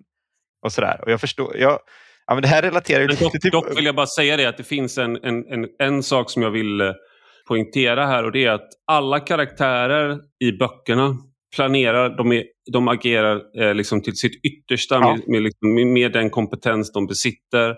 Och de Verkligen. använder de verktyg och de söker nya allianser bortom... Alltså, så att det är inte så här bara lite försynen. Nej, och det är heller mm. inte bara att du så här litar på att nu kommer försynen och fixar det här åt mig. Nej, Utan du måste, du måste själv agera i den här världen med det du har. Och det är väl det här Gandalf kommer in också. Han väcker ju människor men han, tving, han tvingar inte dem. Nej. Att mm. han, hans makt är så att säga att väcka, han är ju så här, han, hans ring har att göra med att väcka elden, den här glöden som Chesterton pratade om då. Liksom, att väcka det inom människor. Eh, mm. Men sen låt, får människor själva agera i världen. Mm. Men både Theoden och eh, Denethor är ju liksom otroligt kompetenta människor som gör vad de kan. Eh, men jag tänkte, Hannes, kan inte du, för det finns en det finns något som kallas eh, liksom, the Northern Theory of Courage som tolken pratar om. Och ja, där man kan kontrastera liksom, Theoden då, som är kung av Rohan. Mm. Och när vi stöter på honom i, i andra boken i trilogin eller andra filmen, då är han väldigt passiviserad eh, och han är egentligen befinner sig ungefär i en ganska hopplös situation. Eh, alltså, mm. han känner inte så mycket hopp. Eh, och då när, Gandalf, när, när, vi träffar honom. Men kan du liksom beskriva vad sker sen och vad är the Northern Theory of Courage? Ja, alltså, det som händer, alltså, Theoden är ju, är ju, är ju gammal, och, gammal och trött. Liksom. Och så kommer Gandalf dit eh, till, till Meduseld och liksom, de, de pratar, han pratar med honom och han väcker hans, hans hopp igen att liksom, det, går att, det går att uträtta någonting. Eh, sen ska de rida ut i krig och eh, eh, Gandalf förutsätter att Theoden kommer stanna hemma med sitt folk men då säger Theoden nej Gandalf, you do not know your own skill as a healer. I shall ride first into battle, bla bla bla. Något sånt där. Och så Theoden, den här åldrade kungen, liksom rid, rid, han rider med sina, sin, sin armé i, uh, i, i, krig för att möta först Saruman och Isengård uh, och sen vända om och rida söderut för att rädda Minas Tirith och, och Gondor. Och det här kommer liksom in lite grann. Jag, jag, jag tänker att det som, brukar, det som kallas för, brukar kallas för the northern, northern theory of courage, det, det kommer in på ganska många ställen i, i böckerna, bland annat här då med, med, med Theoden. Och det, finns, det, det hänger ju ihop lite grann med det som de tog upp i Japans anatomi, det här med, med Gramsci, liksom att eh, viljans eh, optimism och handlingens... Nej, eh, förlåt. Nej, vad säger de? Handlingens, handlingens optimism och tankens pessimism eller något sånt där. Att det, det, det, är, det är snarlikt faktiskt. Eh, mm. Och Northern Theory, Theory of Courage det handlar ju om att liksom, mot alla odds, liksom, man vet att så här, men det sannolikhet, sannolikheten är att jag, är att jag förlorar här, eh, men, men det spelar ingen roll för det här är ändå det rätta att göra. Oavsett liksom, om, om man kan liksom, veta med säkerhet att, så här, att stå emot i det här läget att, eh, kommer leda till att vi förlorar. Men mm. det, det, är ändå det rätta att göra. Det är en bra död. Ja, men det är en bra död, liksom. precis. exakt. Men att, Tolkien var ju, han var ju katolik, han var kristen, men han var ju också oerhört fascinerad av de här gamla hedniska liksom, eh, berättelserna, de, liksom, de nordiska sagorna och liksom, mm. där det här, det här sortens hjältemod finns. Liksom. Och, och, jag tänker för, liksom, en, en, för en nordisk hedning kanske, där, där liksom, i deras mytologi slutar ju, slutar ju liksom, världen med att gudarna förlorar. Alltså alla de, här, alla de här stupade krigarna som samlas i Valhall för att slåss i det sista slaget, de kommer ju torska. Liksom. De kommer, monstren kommer att vinna. Alla kommer, alla kommer, världen kommer att ta slut. Liksom. Så för, för en hedning finns det inte det här kristna hoppet liksom, om att så här, det, det kommer ske en uppståndelse. Det kommer, alltså så här, eh, utan, men man kräver ändå att man gör det rätta.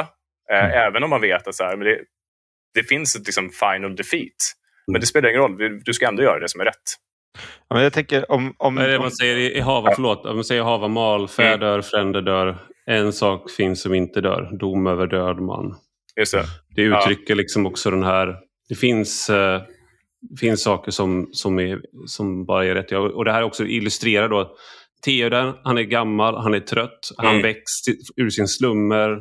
Han eh, i böckerna så är det väldigt tydligt, han gör väldigt rent strategiskt, militärstrategiskt så gör han korrekt saker. Liksom. I, mm. I filmerna så säger Gandalf “Ride out and meet them”. Ja, just det. Här, vilket är det bäst, liksom, Gandalf ger extremt dåliga militärstrategiska råd. För det I, där fil liksom det bäst... I filmerna ja. I filmerna, I, filmen, ja. ja. I, böck, I böckerna så, så, gör de det här på rätt sätt. Mm. Det vill mm. säga att de, de intar strategiska positioner och besegrar en större styrka. Ja. Och sen går vidare och så Precis. tar en Ja, men han i alla fall, han går då, han, ser, han har inte kollat till Palantiren. Mm.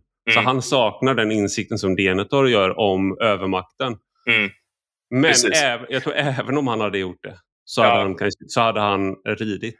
Och det är det som, han, Denethor han hade kunnat, Denethor, han är inte med på the Northern Theory of Courage. Nej, han tror precis. inte på den. Nej, precis. Men alltså, den, eh, de är intressanta att jämföra Denethor och Theoden. Och på, på mer än ett sätt liksom, eh, genom berättelsen så, så kontra, kontrasteras de ju mot varandra. Tolkien gör ju det väldigt tydligt, kontrasterar Denethor och Theoden mot varandra och Gondor och Rohan mot varandra eh, i, i, en massa olika scener som är liksom parallella med varandra. Men, men det som är intressant med Theoden är att han vet ju väldigt mycket mindre än vad, än vad, än vad Denethor vet eh, om motståndaren och om, om läget. Liksom.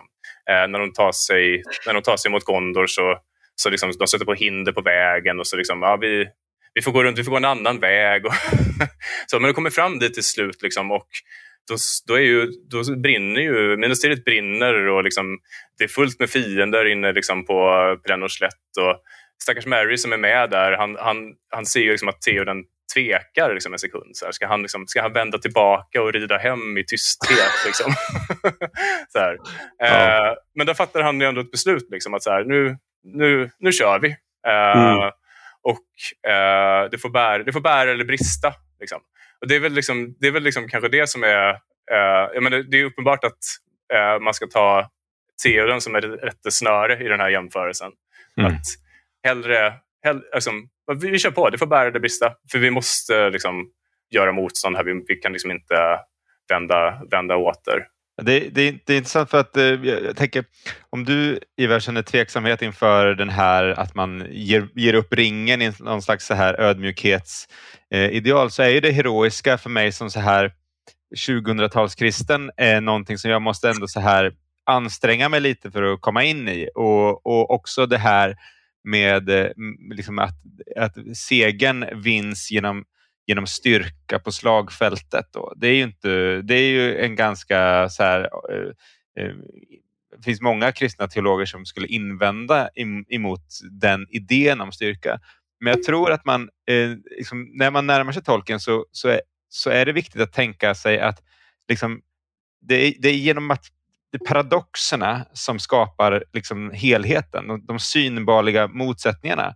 Alltså det heroiska bygger ju också på en ödmjukhet. Eh, det här att jag gör det här inte för att jag tror säkert att jag kommer vinna, utan för att det är det rätta som jag varit inne på. Så att det, det, det ödmjuka och heroismen är förenade. Om du är säker på att du kommer vinna, om du är säker på att det här är en enkel sak, då är du inte heroisk.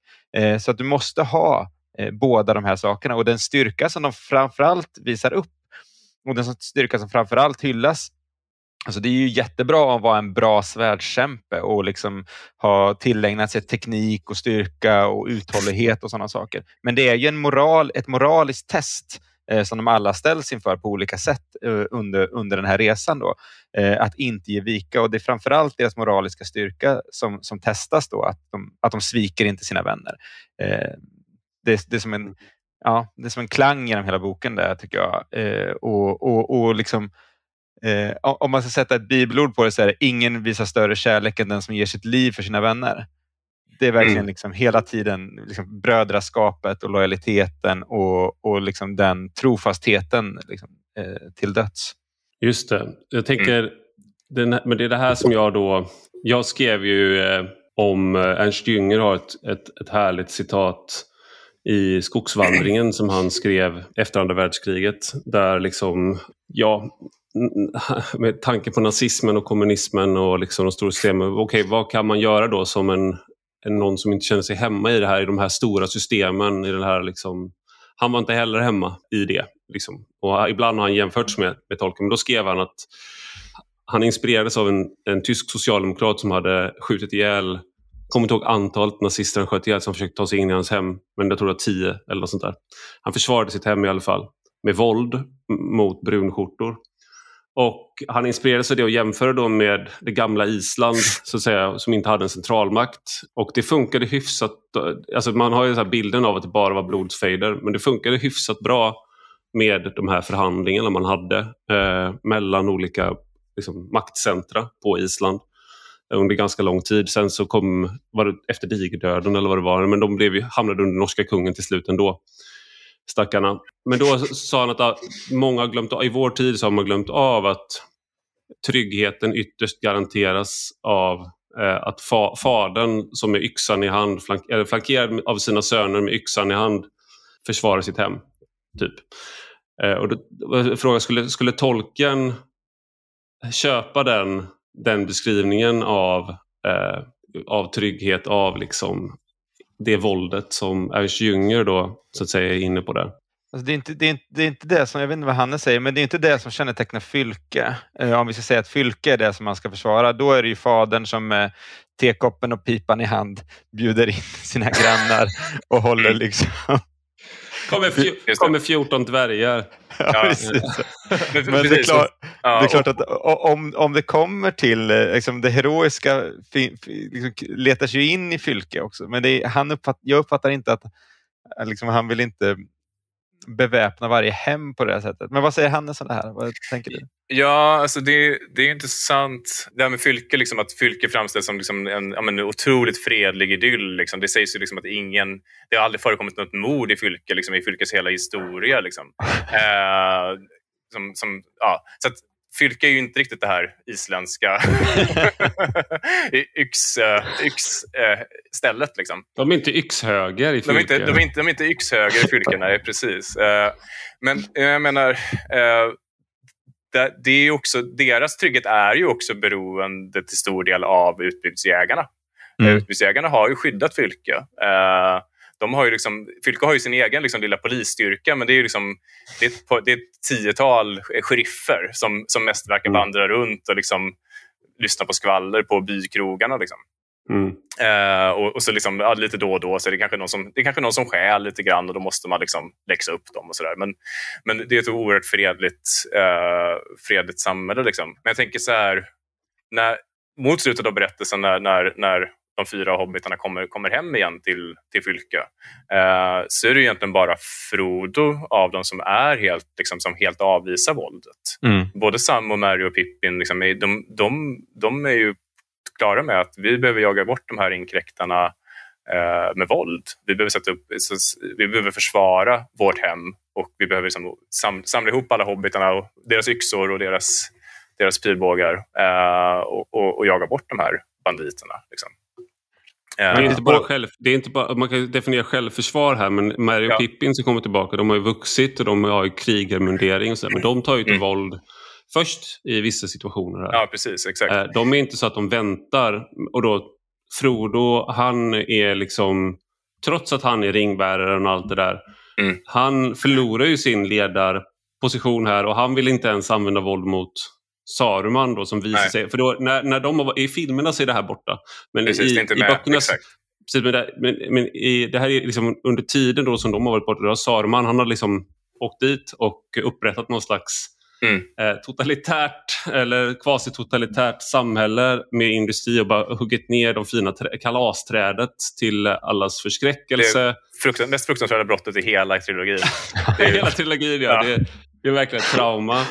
Uh, och uh, det är så här, det finns fler dimensioner i det här men, men just det här med våld är ju då att uh, mm. Frodo har liksom, han, han är liksom på något sätt kan man ju tolka det som att han är inte kvar i den här, här världen. Mm, Nej. Precis. Nej, men det, det, det, är så ser jag det också. Liksom, han, är, han, är, han är bruten. Liksom. Så här, hans, hans lidande har gjort att han inte kan leva i, i den, här, den här världen längre. Så att, liksom, den här den här radikala pacifismen som Frodo, som Frodo ändå har i, i de här sista kapitlerna, alltså, det är inte någonting som kan omsättas i praktisk handling i, i, i en fallen värld. Liksom. Vad heter det? Och För det krävs, för sanningen är att det krävs våld för att befria Fylke från Saruman och, och, och banditerna.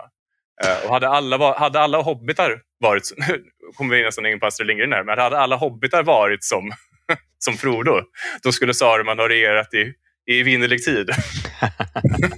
Ja, men, men, om Saruman hade varit, men om Saruman hade varit som Jonathan Lejonhjärta, ja. då hade det aldrig blivit så. Nej, precis. Exakt. Ja, men det finns ju den här tragedin. Världen är liksom en, en, tragisk plats och våldet är en del av, av denna, denna liksom tragedi som finns. Men mm. Frodo är också där i slutkapitlet för att liksom, påminna om att det här är inget man gör lättvindigt. Mm. Frodo är bruten, men han är också på något sätt, han lever i ett högre stadium. Han är nästan liksom lite helgonlik efter detta. Mm. Eh, det är inte säkert hans väg, hans väg är väldigt opraktisk, men det finns också någonting ja, ädelt i det. Och det här tror jag är en påminnelse om att inte heller det här kan vi lösa ut i ekvation, utan det finns någonting i att Mary och Pippin följer, de har en viss karaktär, eh, vissa ideal och utifrån det så agerar de rätt. Eh, och det är svårt att döma dem. Alltså de, de, gör, de gör det rätta.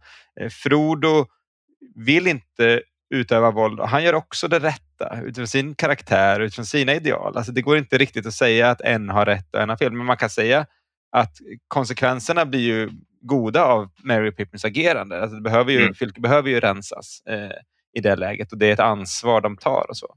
Det här, mm. det här är ju faktiskt första dejten jag var på med min fru. Jag har som sagt fått, jag, hon har faktiskt eh, fått fyra barn med mig. Jag, jag är, liksom, det här säger väldigt mycket om hur, hur skicklig jag är på the game och sånt där. Men då pratade jag, då pratade jag om Aragorn på vår första dejt. Liksom, oh. Satt och drack öl. Och så pratade jag om, liksom, att om det här med eh, kan man bli så, så här, som en man eh, kan, eller människa, kan man vara så stark och skicklig och liksom eh, kompetent vad gäller våld och allt sånt där.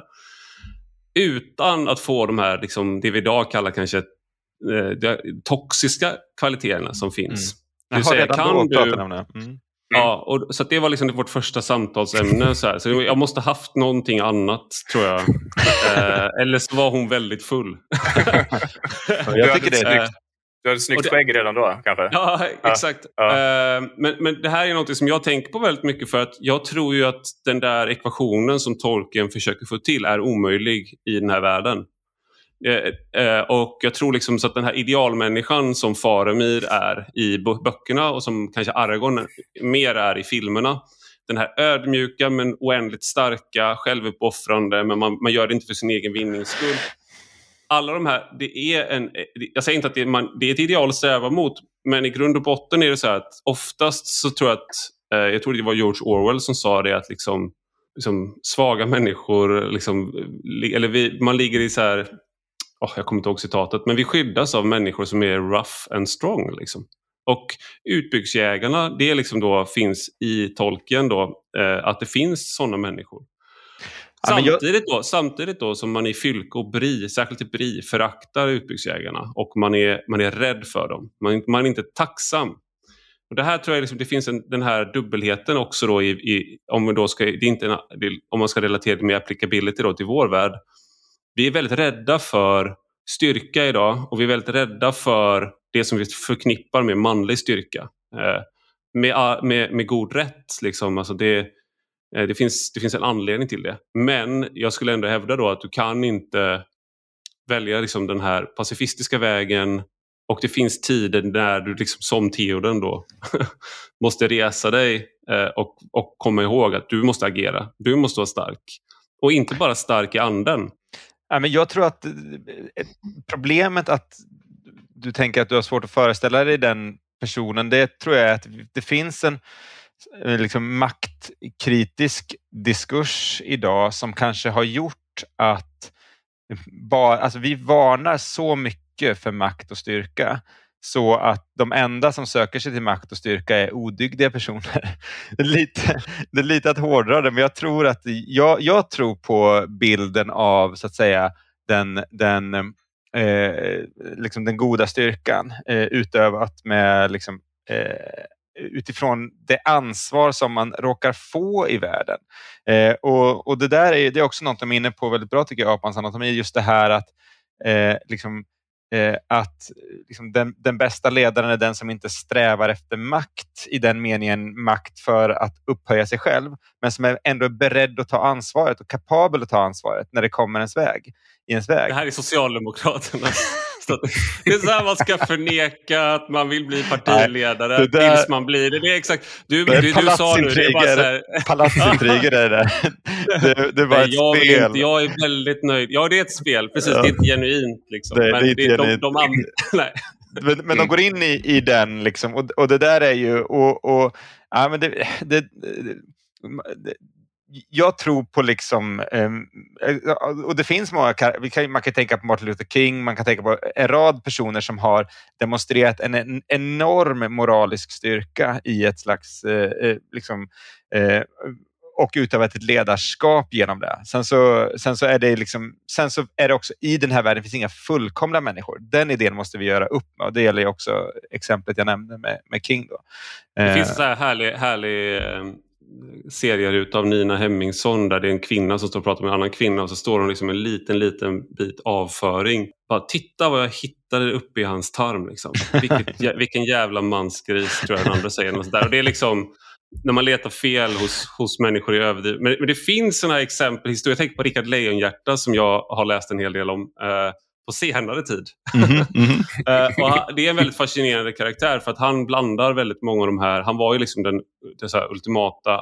Han tyckte liksom att man skulle göra som Theoden. Han red främst liksom, i ledet och han var en han var kung men han var också riddare så han hade liksom tydligt riddarideal eh, själv och var liksom en del i det, i den kulturen som växte fram då. Men under tiden han var i Heliga landet då, han åkte dit med sin främsta konkurrent eh, kung Filip och eh, de slöt en pakt att när vi är i heliga landet i liksom andra korståget då, eh, eller var det, nej det var andra korståget, så, så, gör vi, eh, så lägger vi våra, våra liksom, våran politiska strid eller vår, vårt krig i, i Frankrike för då på den tiden så hade ju den engelska kungen även Normandie och franska distrikt. Sådär. Vi lägger den åt sidan men sen när de hade erövrat Acre så åkte Filip hem direkt. Han bara, men nu har jag gjort det jag skulle göra. Nu, jag, nu har jag liksom uppfyllt min, min grej och Rickard Lejonhjärta stannade kvar. Så då när han kom hem till Frankrike då, så började han genast ta över territorier av Rickard, liksom, eh, som var hans. Och då mm. hjälpte ju Rickard Lejonhjärtas bror, eh, prins John, den här, lejonet i Robin Hood. eh, han hjälpte ju då kung Filip att göra det här. Han slöt massa så här ofördelaktiga pakter så han liksom gav bort i princip liksom, de stora regioner i Frankrike till kung Filip. Sen kom Rickard Lejonhjärta hem då Eh, och då kom eh, prins John liksom och bara så här, förlåt. Fan alltså, brorsan. Alltså, jag, jag vet inte vad som, vad som tog, varför jag gjorde det här. Alltså, jag ber så jävla mycket om ursäkt alltså. Och då förlät ju Rickard Denjart honom. Och sen hjälpte prins John honom Alltså, så han gick över tillbaks till sin bror. Liksom. Han har varit avundsjuk hela livet, eh, blivit änkor och Rickard Lejonhjärta förlät honom. Det här är liksom det minst Game of Thronesiga som jag har läst eh, om i historien tror jag. Mm. För det är så uppenbart att han borde ha huggit huvudet av honom, mm. tänker man. Mm. Liksom, man kan inte behålla en sån människa som är en konkurrent, som är avundsjuk, som har svikit på en sån... Han har liksom gett bort allting eh, när du har varit borta. Liksom. Bara, Nej, men du är min bror, jag älskar dig. Liksom. Sådär.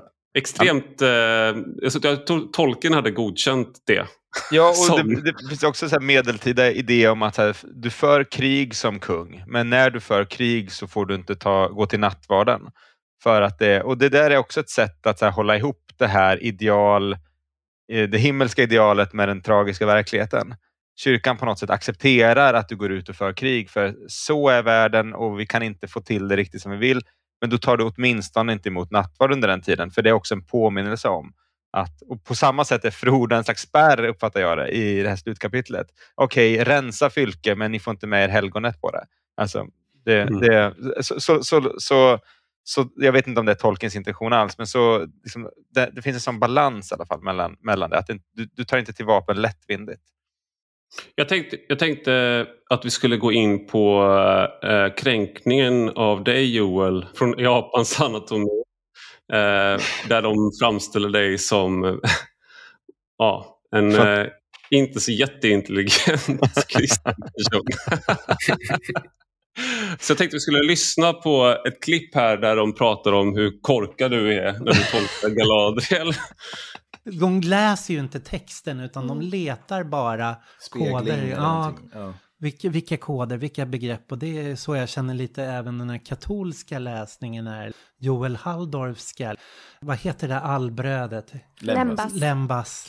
Ja, men det är, natt, det är nattvardsbrödet. Galadriel, ja men det är klart hon är jungfru Maria. Så här. Ja, det är om jungfru Maria hade gjort ett uppror mot Gud, liksom dragit därifrån, byggt sitt ja. eget imperium. Det här är min vardag. Håna de människor som tror att amerikansk fundamentalism är den sanna uppenbara tolkningen ja. av kristen tro. Joel Halldorf, varför är du så korkad? Ja, varför har jag inte insett Det här, Är, det här, är, det så här, är det så här du ser på världen? Du bara ser någonting och så bara det är Gud! Och där- nu behöver vi inte prata mer om det Bara, nej, exakt, bara, det, det är Jungfru Maria. Eh, det där, nej, det där eh, det är Metusalem. det är så du går runt när du läser böcker och sådär. Du bara ser en, ett mot ett hela tiden. Eh. Hela tiden, allting är, Ja. det, liksom, litteraturens höjdpunkt är C.S. Lewis som är då, Ja. eh, där man kan kolla. det till det för fan. Det är ett lejon, han är kung, han dör, han återuppstår, inga konstigheter, det är Precis. Gud. Det är fint så. nej, men det, här, det, här är ju, nej, men det här är min vardag lite. Att så här, eh, jag, jag, som jag tror jag sa, de förstår tolken bra. Jag tycker inte de förstår eh, religion så bra och det kanske inte the Catholic imagination. Och, och, och, och det här, det, det, det är det är lite omtvistat hur mycket, liksom, eh, på vilket sätt det kristna relaterar till, till Tolkien-eposet. För det är ju upp, han avvisar ju själv väldigt tydligt att det är ingen allegori, Eh, det, det finns inte det här, ja, ehm, det går inte att säga att Frodo är Kristus, eh, ringen är korset eller vad som helst. Det, det, fin, det, det går absolut inte ihop. Det går inte heller att säga att Galadriel eller bara Maria eller Lembas är helt enkelt nattvarden och sådär. Det handlar om mycket mer subtila eh, liksom, eh, eh, ekon. Och jag, jag tänker liksom att, att, att, att det här är den, liksom, jag vet inte om ni, vad ni säger om den här bilden, men om man tänker sig att så här, Alltså det är ju en myt eh, i grund och botten och, och Tolkien tänker sig att myter eh, relaterar mest till sanning och det gäller inte bara den kristna myten utan det gäller alla myter. Eh, och eh, alla myter är därför besläktade med varandra och invävda och de finns liksom motiv eh, av allting. Eh, och, och för Tolkien är ju kristendomen också myt. Det är ju så när han pratar med C.S. Lewis och, och det här nattliga samtalet när C.S. Lewis till slut eh, blir kristen. Då säger C.S. Lewis, hur ska, hur ska jag kunna tro på den döde uppståndne Kristus? När, när, varför ska jag inte tro på Osiris? Varför ska jag inte tro på det där? Och då säger Tolkien, ja men kristendomen är, är, också myt. Eh, skillnaden är att det är sann myt, men det är också myt. Eh, och så, så att det är ju, myt är för honom det, liksom det djupaste meningslagret i, i tillvaron. Och, eh, och i det att eh, han själv skapar en myt så finns det ju ekon av andra myter i hans text i, i, och så, som dyker upp på olika sätt. Men inte, som, inte på ett inte intakt. Eh, alltså symbolerna är inte int- intakta. Utan det är som att en, eh, liksom, en, liksom en båt har gått på grund någonstans och så flyter det i, i land plankor här och var på den ö som är liksom, eh, Sagan om ringen-eposet. Och du kan hitta liksom, en planka från Beowulf, båten, och du kan hitta eh, en planka från den kristna mytologin och så. Och sen Eh, kommer och- Bibeln som flaskpost. Ja, precis. Den är helt intakt. Den är intakt.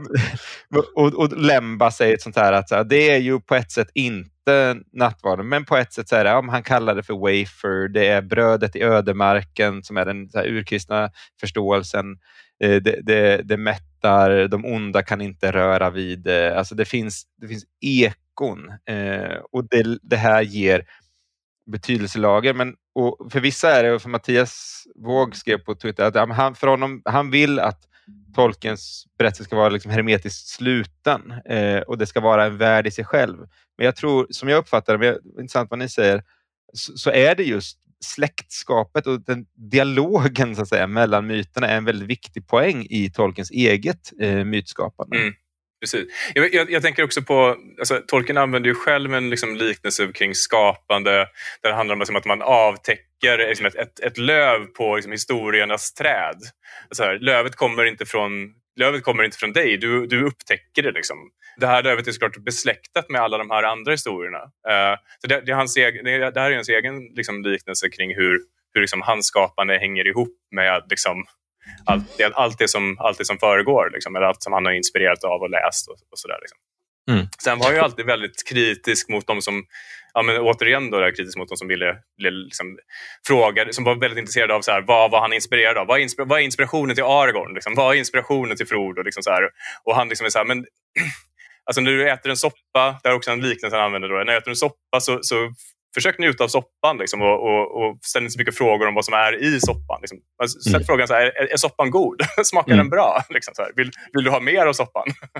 och just exakt, exakt vad, som, vad kocken har gjort för att göra soppan är inte riktigt lika det, det, det, ska inte liksom vara, vara huvudsaken, utan försök njuta av, av den goda mm. soppan istället. Här fanns det ju många, vad ska man säga, om den här soppliknelsen. Det fanns ju liksom livsmedelskontrollanter eller restaurangkontrollanter här då, som ville veta liksom, vad är det, Precis. är det råtta i soppan? Ja. Det var ju folk som var kritiska, Exakt. både kristna som var kritiska eh, mm. mot honom och sa att det här, vad är det du gör? Det här är, en slags, liksom, det här är inte kristet, det mm. du håller på med. Mm. Eh, någonting jag har tänkt på ofta är att man kan ändå det, det, det är de här ekorna som gör att man kan känna igen men det, blir för, det är just den här du målar stolpen vit. Du förnyar, det är en levande myt för du kan kliva in i den från olika håll och du kan hitta nya saker. Men eh, liksom, de här kristna elementen de finns helt uppenbart i till exempel att kungshand är helarhand sägs mm. det då. Och då att mm. Aragorn har den kraften att han kan hela med, hand, med, sin, med sina händer. Mm.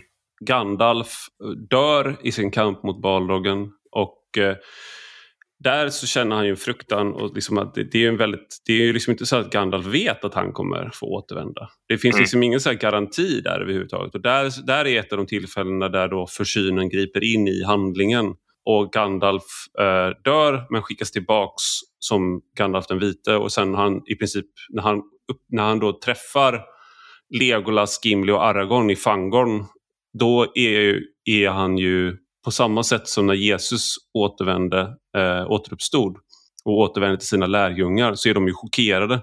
Så det, det är också ett sånt eko. Och, och det jag känner med, inte igen honom. Nej, jag känner mm. inte igen honom och han, så här, ja just det, Gandalf, det var det de brukade kalla mig. Så mm. Och det är liksom, eh, det där, det där är ju för att han dog på riktigt. Och mm. det är liksom, så han kom, det är inte exakt samma. Och det, han är återuppstånd, där ser man ett eko av återuppståndelsen. Men, så det finns ju många av de här, liksom, eh, och, och, och också då att, Sau, att Melkor, som då blev Morgoth, som var den onde, mörkrets första innan Sauron. Han var ju den, liksom, och han tillhör gudasläktet Valar då, eller Valar. Eh, och de är någon slags ärkeänglar. Sen finns det Majar som är en lägre änglar och då är Gandalf, Sauron och Saruman är det gudasläktet. Eller mm. äng, äng, man kan nog kalla dem änglar snarare. Mm. Och de sjunger fram världen. Så det är lite annorlunda än den kristna skapelsemyten också. Men mm. Melkor är ju då ängeln som Eller, faller. Um, actually. De sjunger ju fram De sjunger ju fram en vision av världen. Ja. Sen är det ju faktiskt Eru, eller Gud, som, som, som skapar världen genom att, säga ett, liksom, genom att tala och säga liksom, nu, nu, nu, är det. Liksom, mm. nu, har jag skapat, nu har jag gjort er vision till verklighet. Så det är ju inte de... Ja, mm, okay. ja, det, var min, det var mitt um, actually moment. Bra, ja. det finns, uh, jag, jag, tänkte lite på när jag skulle ha med Hannes här att uh, jag, behöver, liksom, jag och Joel behöver, liksom, vi behöver backup mot apans anatomi här. då är det som i, när de är i Moria där. Om man eh, liksom, Boromir tittar ut och så bara They have a cave troll. Så han ser liksom yeah. vårt grått troll då. Liksom. Så det var skönt att vi fick en ja. uh, neck, neckbeard actually där. Vad härligt. Vad bra ja. att jag kunde bidra. uh, nej, men, men det, där, det där är bara liksom en... Um, där att Morgoth faller, det är ju ett eko av uh, Lucifers fall. Mm. Så, men, och, men också då i Tolkiens värld är ondskan det här tänkte jag vi skulle prata om också. Hur mycket är liksom ondskan en del av skapelsen och Guds plan? Mm. Eh, både, både vid Midgård men även då liksom i, i den kristna visionen. Liksom. Får jag säga en sak till om deras... För, för en, en, en, sak som Judit säger eh, bli, blev jag så här... Oj, alltså människor tänker verkligen så här eh, om religion. Eh, och, och, det är när hon kontrasterar mm, eh, religion och myt och säger att nej men, Eh, det här har ingenting med religion att göra för att dels är det transformativt, det transformerar eh, och förvandlande eh, och dels så eh, säger hon att myten upprättar ett spänningsfält mellan binärer istället för att kollapsa dem. Det är väldigt, det är väldigt sant det hon säger, men det är också precis så som religion också funkar. Alltså, dels det transformativa är grundläggande i kristendomen, att hela tiden förnya och förnya sig själv och förnya världen, uppståndelsen och sådär. Och också att hela kristendomen är konstruerad kring binärer. Alltså Gud är en och tre. Jesus är Gud och människa. Maria är mor och jungfru. Eh, skapelsen är eh, god och fallen. Alltså det, är hela, det är hela logiken i den kristna mytologin och det tror jag, alltså kan vi bara komma dit att vi slutar att förstå det så, så religion så propositionellt eh, som att det bara är, det? Liksom, eh, alltså att det bara är liksom enkla platta sanningsutsagor. Så här är det, så här är det. Eh, utan att det finns eh, det finns spänningsfält som man söker sig emellan och här tror jag också liksom, heroism, ödmjukhet och det vi varit inne på också i moraliska teman eh, med, mm. med styrka och eh, och eh, att lita till försynen och sådana saker. Alltså du, du, du, ingen religion överlever på att bli så här platt, ja, du ska alltid agera så här eller världen är exakt så här. Utan de måste ha den här dynamiken. Eh, och det har alla de stora liksom, myterna och det har, det har kristendomen. Och så, här. så att, så att eh, nej, men som sagt, bra förståelse av tolken, eh, men det är också en sämre förståelse av, av religion. Men man tänkte sig en annan, det är det här som är ett problem när man vill göra eh, en myt till bara sin egen. Det är att du måste göra de andra som läser den till eh, eh mer korkade variant, alltså de är mer dummare än vad du är. Mm, eh, och eh, då, så att deras läsningar måste bli, liksom, de gör det utifrån en korkad position där mm. de är liksom platta och dumma. Och jag, jag, tänker, när jag pratade om Boromir tidigare, det skulle man, om man då skulle vara sån, det där är ju någonting som man brottas med i olika situationer i sitt liv. När är det dags att så här, rida ut? mm. och när är det dags att vara liksom eh, eh väljaren, eller liksom vänder andra kinden till. Det är liksom inte en slutgiltig brottning. Du, du, du, du kan liksom inte förkasta den den, liksom, den frågan eller den konflikten inom dig. Så att säga. Ja, man lockas all, jag då skulle, säga, skulle lockas av ringen. Det skulle alla, det skulle alla göra. Det är det som är liksom poängen här. Och eh, mm. att du måste liksom försöka... Den utmaningen som finns i Sagan om ringen, den finns på riktigt. Det, ja. tänkte jag, det här är någonting som jag kommer ihåg, det var en debatt mellan Jordan B. Peterson innan han eh, lades in på rehab och, och i Ryssland och sådär. Han hade med Sam Harris om sanningens natur där han försökte göra just den här poängen.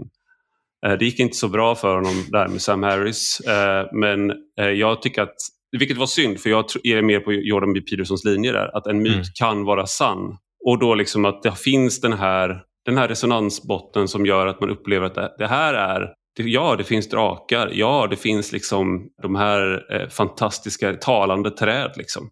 Men det är ändå mer sant än man kan uppleva vissa så här eh, böcker eller dramer som utspelas helt uppenbart i den här världen alldeles nyss. Mm. Just det. Vad tänker ni om det? Kan en myt vara sann på det sättet? Vill du säga? Till att börja med, jag, jag, jag är inte religiös eller liksom, jag, har ingen, jag har ingen egen religiös tro. Liksom. Men förutom det, tolken? Förutom tolken, precis. Tolken är väl liksom det närmsta, närmsta jag kommer till att ha religiös tro. Nej, men, nej, men lite på allvar liksom, så tror jag, jag tror att Tolkiens verk spelar lite samma roll för mig som Bibeln gör för någon som är kristen. Liksom, att det är liksom, jag, jag läser Tolkien eh, men ändå ett par gånger i veckan och så går jag till liksom, hans böcker. Liksom, så, nu ska jag läsa ett favoritstycke. Liksom. Eh, jag, jag, föreställer mig att man, det kanske är så med Bibeln om man är, om man är kristen. Liksom. Bör vara men, så i alla fall. Det bör kanske vara så, ja precis. men jag tycker, jag tycker det är intressant. Alltså, eh, och jag som då liksom icke-religiös, har, liksom, jag, har eh, jag uppskattar Tolkiens verk jättemycket och under väldigt många år så plockade jag inte upp de krist, den kristna tematiken i, i Lord, of, Lord of the Rings. När jag, var liksom, jag läste ju de här som, som barn och liksom ung, ungdom. Liksom. Först liksom i vuxen ålder som jag som, ah just ja okej, okay, det här, det här liksom, det här är ekon av någonting. Liksom. Eftersom jag inte har någon religiös liksom, uppfostran eller, eller uppväxt. Liksom. Men jag är också lite fascinerad över hur man helt, eh, eh, alltså hur, hur man kan hävda att det, att man kan förneka att de kopplingarna finns. Liksom. Som vuxentänkande människa. Liksom, hur man, hur man liksom kan läsa vissa stycken i, i Lord of the Rings och bara, nej det här det har ingenting med kristendom att göra. Liksom. Som när, när örnarna sjunger för Faramir och Eowyn. Känner ni till, kommer ni ihåg det stycket?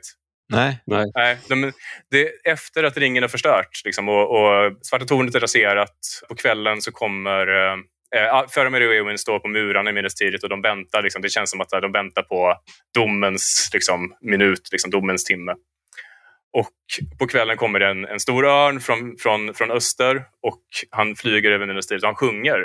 Uh, och då, säger, då sjunger han så här Sing and rejoice ye people of the tower of guard For your watch hath not been in vain and the black gate is broken and your king hath passed through and he is victorious. Alltså, att läsa det här liksom, och inte typ så här bara, ah, det här låter ju... Ja, men det låter ju som något från Bibeln. Liksom. Det låter som att det är taget direkt liksom, ur... Och jag menar det här, liksom, alltså King i det här, i det här stycket, liksom, det, det refererar på, det, det, det hänvisar såklart till Aragorn. Men, men liksom, jag kan inte låta bli att... Liksom, jag, jag, kan inte inte tänka på Jesus. Uh, och jag kan liksom inte inte tänka, när, när det står the black gate is broken, så kan jag inte inte tänka på att när Jesus liksom rev helvetet liksom, och befriade alla helgon liksom, uh, efter, efter korsfästelsen. Eh, det, det, det, här, det här är också den här då när man kommer in med att det inte är en allegori. Ringen, ringen är många saker men att eh, Golgatavandringen uppför Domedagsberget och mm. Att han att kastar ringen och var liksom, att det här är, det är då det sker det här. Liksom, örnen kommer. Liksom. Just det. Och, och, det sker ju också på 25 mars, vilket ju är dels jungfrubebådelse men också det traditionella datumet för korsfästelsen. Exakt. exakt. det är vad man kallar finns... för en uh, Easter egg i gamingkulturen. Ja, exakt. och och, och jag ska, ett, en till sån här datumdetalj är ju att sällskapet ger sig iväg från, från Riftedal eller Rivendell den 25 december. Så det är då liksom färden, och, va, färden va, och, va, och, och, för alla hedningar där ute då, vad, är, vad, vad, har det för symbolik? ja, men det, är, det, ja, det är julafton. Det, det, det, det, djup, liksom ett, undvika exklusivistiskt språk här. Ett mycket djupt mönster i den här berättelsen är ju Kristusmönstret eh, som ju har då med liksom, lita på försynen, eh, ge, ge ditt liv för dina vänner och sådär. Den Självuppoffring ja, självuppoffring och så. Och där har man ju tolken in på det här väldigt subtila sättet. Det är ingen som fattar det vid läsningen att det är 25 eh, december. Och, Nej, men och man, man, man, måste gå in i appendix för att se det. Liksom. Ja, måste, ja, mm. det, är, det är jätte, jätte eh, fördolt. Men, och jag, för, mig, men för mig är det här, det var så vi började den här diskussionen på Twitter en gång i tiden. För mig som då kristen läsare så, så, så är det en det är en estetisk kvalitet och jag vet inte om man har olika, liksom, eh, man funkar olika estetiskt, men jag känner en, en, en, för mig blir texterna rikare när man hittar en nivå till. Eh, och, det kan, och det gäller också om man hittar, tycker jag, ett eko av Beowulf eller så, för då, för då liksom genom det lilla som sägs där, den här mm. lilla versen som du läste, eh, så öppnar sig en hel värld av liksom massor mytologi, av helvetets portar, uppståndelse och stora lördagen i kristen alltså jätte, Jättemycket. Uh, och så, så, man kan packa in så, så, så mycket kraft i en liten formulering. Eller när, när Frodo lyfter den här stjärnan eh, som han har i flaskan. Eller det, och ropar på, vem är det här? Vad är det hon heter som han ropar på? El, Elbrett.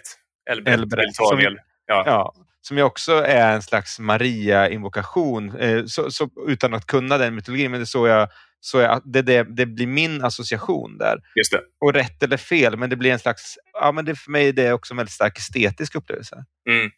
Har, har, du, har du tänkt på det? Att hon svarar... Det, det här är ju i scenen när han konfronterar Shilob, honmonstret. Och så åkallar han henne, han ropar hennes namn. Eh, har du tänkt på det? Att hon svarar faktiskt på hans bön. För precis efteråt så liksom, då sprakar det här stjärnljuset till liksom, och verkligen så här skiner med liksom, förnyad kraft. Så, liksom, honmonstret eh, är liksom skrämd, skrämd till livet. Hon har aldrig sett något sånt himmelskt ljus som har liksom strålat in i hennes mörka, hennes mörka håla. Liksom. Eh, så att han, han han får ju omedelbart svar på sin bön. Hon kommer ju till hans undsättning där. Mm. Och, och, I den kristna mytologin så har ju Maria en krona av stjärnor och det är ju den man framförallt åkallar i sin dödsstund. Eh, och, och, när det gäller sådana här saker så är det ju, alltså det, det är ju liksom omöjligt att tänka sig att för tolken som är så otroligt from katolik och går till mässan varje vecka och säger att detta är det viktigaste i livet och så, att, han, att det inte liksom medvetet eller inte skulle sippra in i hans verk. Och sen så, så att säga, sen så när, om man då identifierar sådana ekon och tycker att de är liksom härliga, så betyder inte det att man har sagt sista ordet om hur någonting ska tolkas. Jag tror att det är det som låser en del av de här diskussionerna, att man säger okej, okay, då, då är det det här och ingenting annat. Tvärtom, det, ska, det, det är så mycket, många skikt i detta och det är det. också hur det studsar mot din egen livsberättelse. Alltså, Mm. Det märker man ju, tänker man, du Hanna som har läst eh, så intensivt så länge, att, att vissa berättelser kan bli jättelevande för att de helt plötsligt får en ny tillämpning i, Mm. s- i ens eget liv. Just det. Mm. Så. Precis. Det, det här är, det är också, eh, vad ska man säga, om man, om man relaterar det till eh, helt andra saker. att Det finns ju en, eh, en trop i skräckfilmer och i eh, liksom eh, mycket annat som har att göra med övernaturliga krafter där eh, krucifixet inte har någon makt. Och där du då liksom du uppenbart tar liksom ett avståndstagande från liksom, så att säga tro eller då den här, så här rättrådigheten, den ärliga bönen och liksom så att den har någon makt. Eh, man tar liksom aktivt ställning. Det är liksom, för det är en fruktan som människor har ju. Att du, vår liksom tro har ingen makt mot ondskan. Vi kommer krossas av ondskan ändå. Liksom. Så att man håller upp sitt lilla krucifix i darrande hand och sen så blir man slukad av, eh, eller vampyren hugger tänderna i en ändå. Det är bara vitlök som fungerar. liksom. Eh, och, och det där är liksom, det där är en skräck vi har. Och det, där- det där Mm. går igen liksom i eh, det, är också, det är också därför jag har svårt att acceptera det i tolken tror jag. Alltså just att jag, jag skulle inte säga att jag är icke, jag skulle inte säga att jag inte är religiös. Det är bara att jag har blivit, man är som en sån där om man hugger huvudet av en höna så fortsätter den så här, springa runt ett tag till. Jag är den hönan. Liksom. Så här, man fortsätter fortfarande. Och du har, du har fortfarande, så att säga, du går runt i ruinerna av en levande tro men du, det är inte så att du och försöker uttolka vad de här ruinerna betyder egentligen för dig.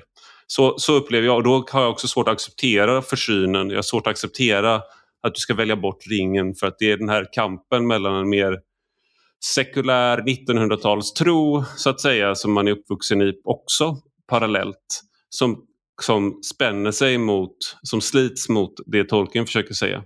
Och det finns liksom, det här är så här, om man kollar på första säsongen av True Detective som jag är, är liksom en av mina, jag ser nästan aldrig om saker, jag läser nästan aldrig om böcker. Eh, Men den har jag sett om eh, ganska nyligen.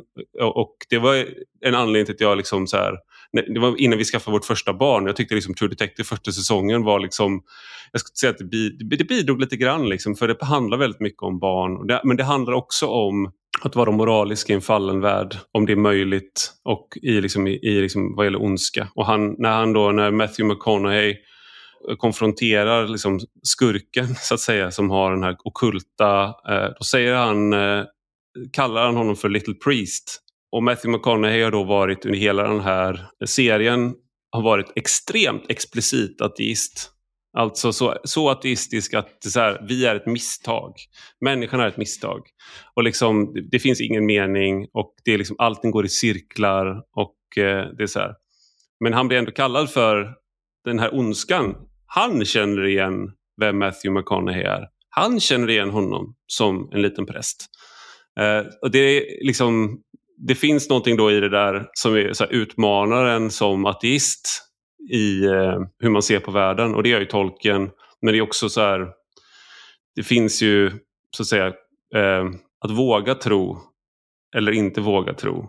Det är liksom eh, och det här gäller ju säkert kristna, det gäller såklart, det, det, man, nu framställer jag det som att när du väl blir kristen, när du väl har en tro, då är det klar. Men så är det ju inte. Den kristna tvivlar hela tiden. Jesus tvivlade. Alltså, eller, varför har du övergivit mig på korset? Alltså den här tvivlet på försyn, det, det finns ju för alla kristna. Du kan ju aldrig, du kan aldrig räkna hem Gud på din sida så att säga. Det i sig är ju högmod. Mm, Eh, verkligen. det, det, ibland när man pratar som jag gör nu så får man det framställa som att liksom, ah, jag bara kunde tro på Gud då hade allt varit fine and dandy. Då hade jag haft Gud på min sida i alla lägen. Och så hade jag känt mig trygg i alla situationer. Liksom. Jag tänker att det här, är- det här relaterar lite till ett samtal som vi har haft då och då Ivar, eh, om så här eh, kristendomen som tro mot kristendomen som ideologi. Eh, att du har sagt någon gång att så här, du sympatiserar med, med så här, kristendomen som ideologi men du kan inte tro. Och där tycker jag att så här, men, men, men, men det som det som tron tillför så att säga jämfört med, för jag uppfattar att ideologi, ideologier är alltid mer entydiga och då, då får man tydliga moraliska vägvisningar. Gör så här, det här är rätt, så här ska vi bygga samhället. Där. Tro, då, då går du in i en tvetydighet som har med myterna, som också har med anden att göra. Att liksom, liksom vägledningen av av reglerna och, och budorden och så är en sak, men sen måste du också ha anden för att kunna ha liksom göra omdömet i varje enskild situation. Eh, och varje situation är, är, så unik och så komplex så att det är svårt att ge att vara generalist och så. Så att det finns en, det finns en, eh, ja det kanske är liksom det största språnget så att säga. En, ett språng ut i liksom tvetydighet. Eh, och som någonting då, jag, alltid, jag undrar alltid vad människor som inte är kristna tänker sig att tron ser ut när man står utanför och säger så här, jag har inte tro, jag, jag skulle kanske vilja eller sådär. Men för mig är det väldigt mycket det här, liksom det är väldigt mycket vandringsperspektivet. Eh, att du är inte framme, du rör dig på något sätt framåt i den här världen med de här, i det här resesällskapet utifrån de här liksom, dokumenten och principerna och, och liksom råden och berättelserna och traditionerna och riterna eh, du har med dig.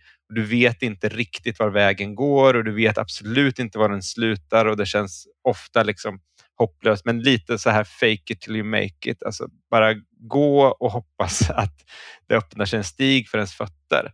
Tankens eh, pessimism och handlingens optimism. Ja men verkligen så. Det, det var verkligen... var, och det här är väl då när, liksom, om man, jag ska inte ta, prata mer True Detective, men att misströsta och förkasta mänskligt, för det här är också något som återkommer i eh, Eh, där liksom man, eh, jag vet eh, en, en av mina bästa vänner, hans syster blev arg när hon fick reda på att vi skulle få vårt fjärde barn.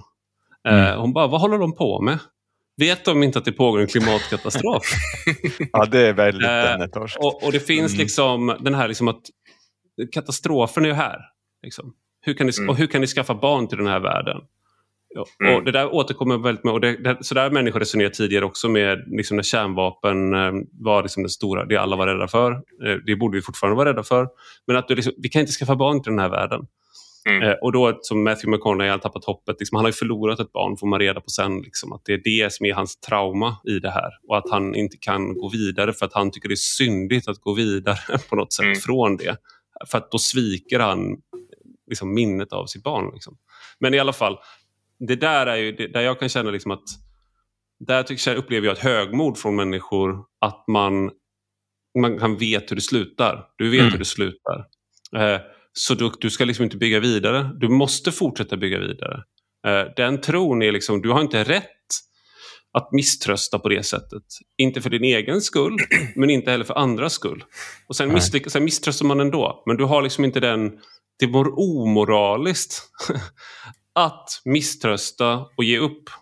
Och mm. eh, Jag kan liksom inte motivera det i någon sån här bibelvers eller någonting eller sådär, men det är bara en sån grundläggande instinkt där jag kan tycka att jag kan inte heller motivera det rationellt för att det finns massa rationella argument till varför man ska ge upp på olika sätt.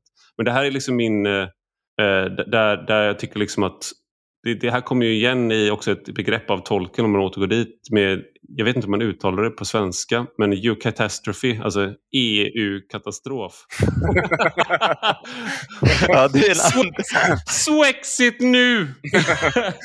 Nej, men eh, liksom Breaking att, news. Ja. Ja, kan, du, kan du förklara Hannes vad det, vad det begreppet är? För att det var ju tolken som uppfann det. Ja, ska vi se om jag kan förklara detta här nu. Eh, precis. Alltså, det är ju den goda katastrofen.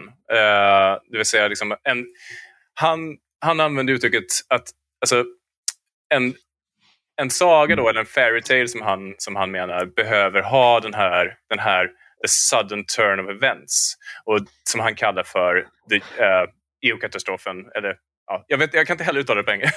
Vad verkar svenska EU-katastrof. EU, EU um, mm. Som är liksom en, ska man säga, han, som han uttrycker då, så i berättelsen så är det här liksom, det, det, är en, det är en plötslig vändning till det goda. Liksom. Och det är också en produkt av, av, av nåd eh, och det är också någonting som man aldrig kan räkna med ska återupprepas. Liksom. Och det, liksom, det bästa exemplet på det är väl egentligen när, när Aragorn kommer till Pelennors, Pelennors, eh, Pelennors lätt. Liksom. Det är sånt här jag, jag, ska inte försöka mig på att läsa det för jag kommer börja grina för jag blir alltid så otroligt rörd av just det stycket. Så jag, jag, jag, jag ska inte ens försöka. Men, men han, allt hopp verkar vara ute på utanför Minestridets portar för, för, för hjältarna. Allt hopp verkar vara ute. De är i underläge. Och så det sista liksom, slaget är liksom så här, nu kommer piratflottan upp för Anduin. Liksom, nu, nu är det verkligen nu är det helt kört. Men från liksom piratflottan som främsta skeppet så väcklas, vecklar Argon ut sitt standard. Det är inte pirater. Och så kommer det grön det, spökar med. Nej, det gör det, det, gör det inte. det, av alla, jag älskar filmerna på många sätt, liksom, men av alla saker som jag inte håller med om så är nog det, det, det är nog det värsta som han gjorde i filmerna. Eh, men, nej, men så, så veck, då vecklar Argon ut sitt, sitt standard. Liksom, och det, är, det är det vita trädet och det är Elendils krona och det är liksom Ja. Uppenbarelseboken. Mm. Det är uppenbarelseboken, precis. Absolut. ja, men precis. Ja, men, jo, han kom, down han... there, little priest. eh, och, och det, här, den, det här är plötsliga vändningen. Liksom, och, och I staden ringer de i klockor. Och liksom, ja, det är verkligen så här. Och det här är också där, det vi är inne på, för det här är då, det, man ser från Eomers ögon. Precis, exakt. Mm. Eomer är då kung Theoden har precis dött mm. och eh, Eomer har drabbats av raseri och nu så har liksom det raseriet ebbat ut eh, och han, han, han har mött redo. en övermakt. Precis. Så de har liksom enligt the Northern Theory of Courage, Exakt. de är redo att möta, de, de är på väg att möta Exakt. sitt öde. Han, han, gör ju sig redo. Han, han samlar ju alla, alla Roans män till, till sig för att liksom, de, ska ha, de ska bygga en sköldmur för att hålla ut till slutet kommer Fast ingen kommer finnas kvar i livet att minnas den sista kungen av Rohan. Mm. Det, är mm. liksom, det, är det, det är det han ska göra. Och så tittar han ut och ska han förbanna skeppen liksom, med sitt, lyfta sitt svärd. Och då mm. ser han liksom, att Argon vecklar ut sitt standard. Eh, mm. Uh, och då vänder det. Liksom. Det, är så, det är så plötsligt som, som det här vänder från liksom, undergångens liksom, the brink of doom. Liksom. Och Argon kommer och, och, och frälser dem allihop, liksom, räddar, räddar dagen. Så det är liksom, men det finns ju otroligt många sådana moment i, i, Lord of the Rings, men det finns ju även liksom i, i hans andra berättelser, liksom, i, i katastrofiska ögonblick. Liksom. Tänk, jag vet inte om ni har läst, har ni läst Tree, uh, Leaf by Niggle? Nej. Det finns jag har ju... gjort det någon gång, men jag, men jag, inte ja. så att jag kommer ihåg. Ja, okej. Okay. Jag, vet inte, nej, jag ska inte jag vill, jag vill inte spoila det för dig Ivar faktiskt. Eh, så att, okay. Eh, jag tycker du ska läsa Leaves by Niggle. det, finns ett, det finns ett fantastiskt liksom, eukatastrofiskt liksom, ögonblick i Men jag skulle säga en sak som är också utmärkande är att i Silmarillion så upplever jag inte att det här förekommer Nej. särskilt mycket. För där Nej, är det ju liksom ett, det är ett långsamt, eller inte så långsamt alltid, men det är, ett, det är en otroligt tung bok för att det är, går så fruktansvärt illa för alla man hejar på. Ja, mm. herregud, det här är roligt. Jag, jag har en illustrerad utgåva av eh, The Children of Hurin hemma med liksom bilder i och sådär. Min sexåriga dotter eh, liksom tog den och bläddrade igenom den här om, eh, för några månader sedan. Liksom. Och så pekade hon på bilderna och så här, bara, pappa vem är det här? här? och hur gick det för honom? Och så gjorde hon det med hela boken och liksom insåg så här efteråt bara, vilken otroligt deppig berättelse det här är. Ja, för mitt svar på alla liksom var bara, nej men han, han dör. Han, han dör och hon dog också. Och alla, alla dör ju liksom. He was very happy in this picture and, and then he died. Exakt. Uh, jag tror det är Eru som säger till Melkor att, liksom, som har byggt in dissonanser i världen. Det vill säga mm. han har byggt in de här sakerna. Alltså, tror du att du skulle kunna göra det här utan att jag godkände det? Mm. Ja, det, där det, är ju... det här är ju liksom teodicé-problemet också. Så här, hur kan Gud låta eh, så mycket hemskt ske? Och det här är också intressant för att Tolkien lev, han deltog i första världskriget. Mm. Hans son deltog i andra världskriget. Han levde genom två världskrig. Alltså det är liksom, och många av hans vänner dog i första världskriget. Så han har ju sett det värsta som världen kan uppbringa, skulle man kunna säga. Eller mycket, eller någorlunda i alla fall. Men tror ändå på Gud. Men så här, vad tänker ja, du? Liksom, där... Hur kan Gud tillåta det här? Och, och liksom i, i Tolkiens värld då? Är det så man ska se på det? Att det finns liksom en plan för allt det här? Alltså jag tror att, jag uppfattar att eh, jag kan inte skapa sig myterna, men eh, alltså den, den, den, den liksom grundläggande, den, den kristna metafysiken är ju så här att allt som är skapat, allt som finns är, är i grunden gott. Eh, och när något är ont så beror det på att det har varit något gott som har perverterats. Så, mm. så till och med orcherna har varit alver. Liksom. Eh, men perverteringen av det goda, eh, det är där som är är ondskan kommer ifrån. Och skälet till att det goda kan perverteras, det är att friheten finns. Friheten som är så grundläggande värde. Du får inte tvinga någon. Du får inte liksom, Eh, härska utan varje varelse måste få ha sin integritet. Och skälet till att friheten finns det är att det absolut högsta att sträva mot är inte lydnad utan kärlek.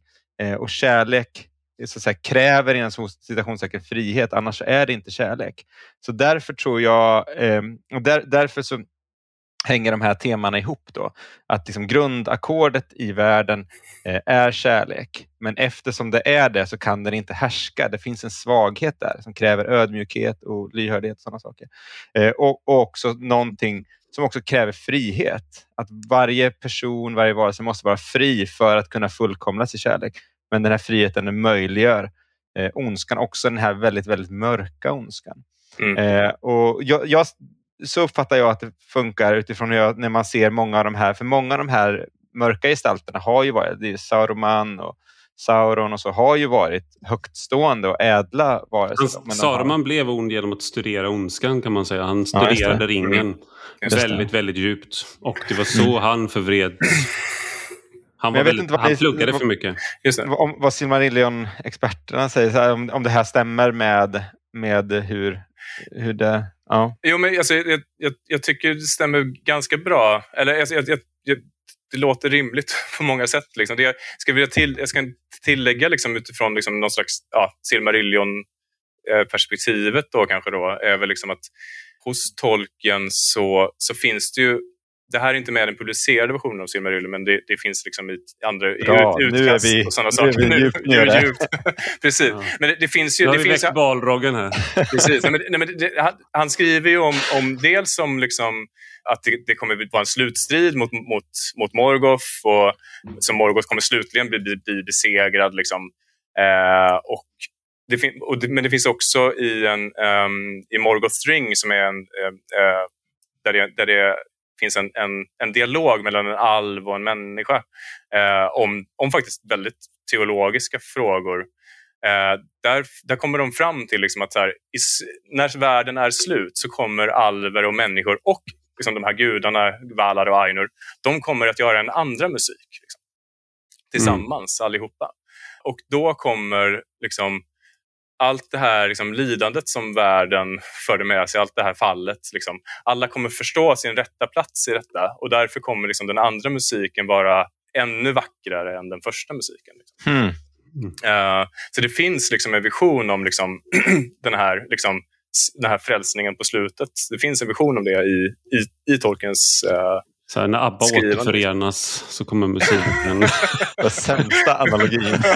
sämsta, sämsta, du har förstört allting i det där. Det, det, alltså, det, det kommer bli så jävla bra. Det kommer bli så jävla bra.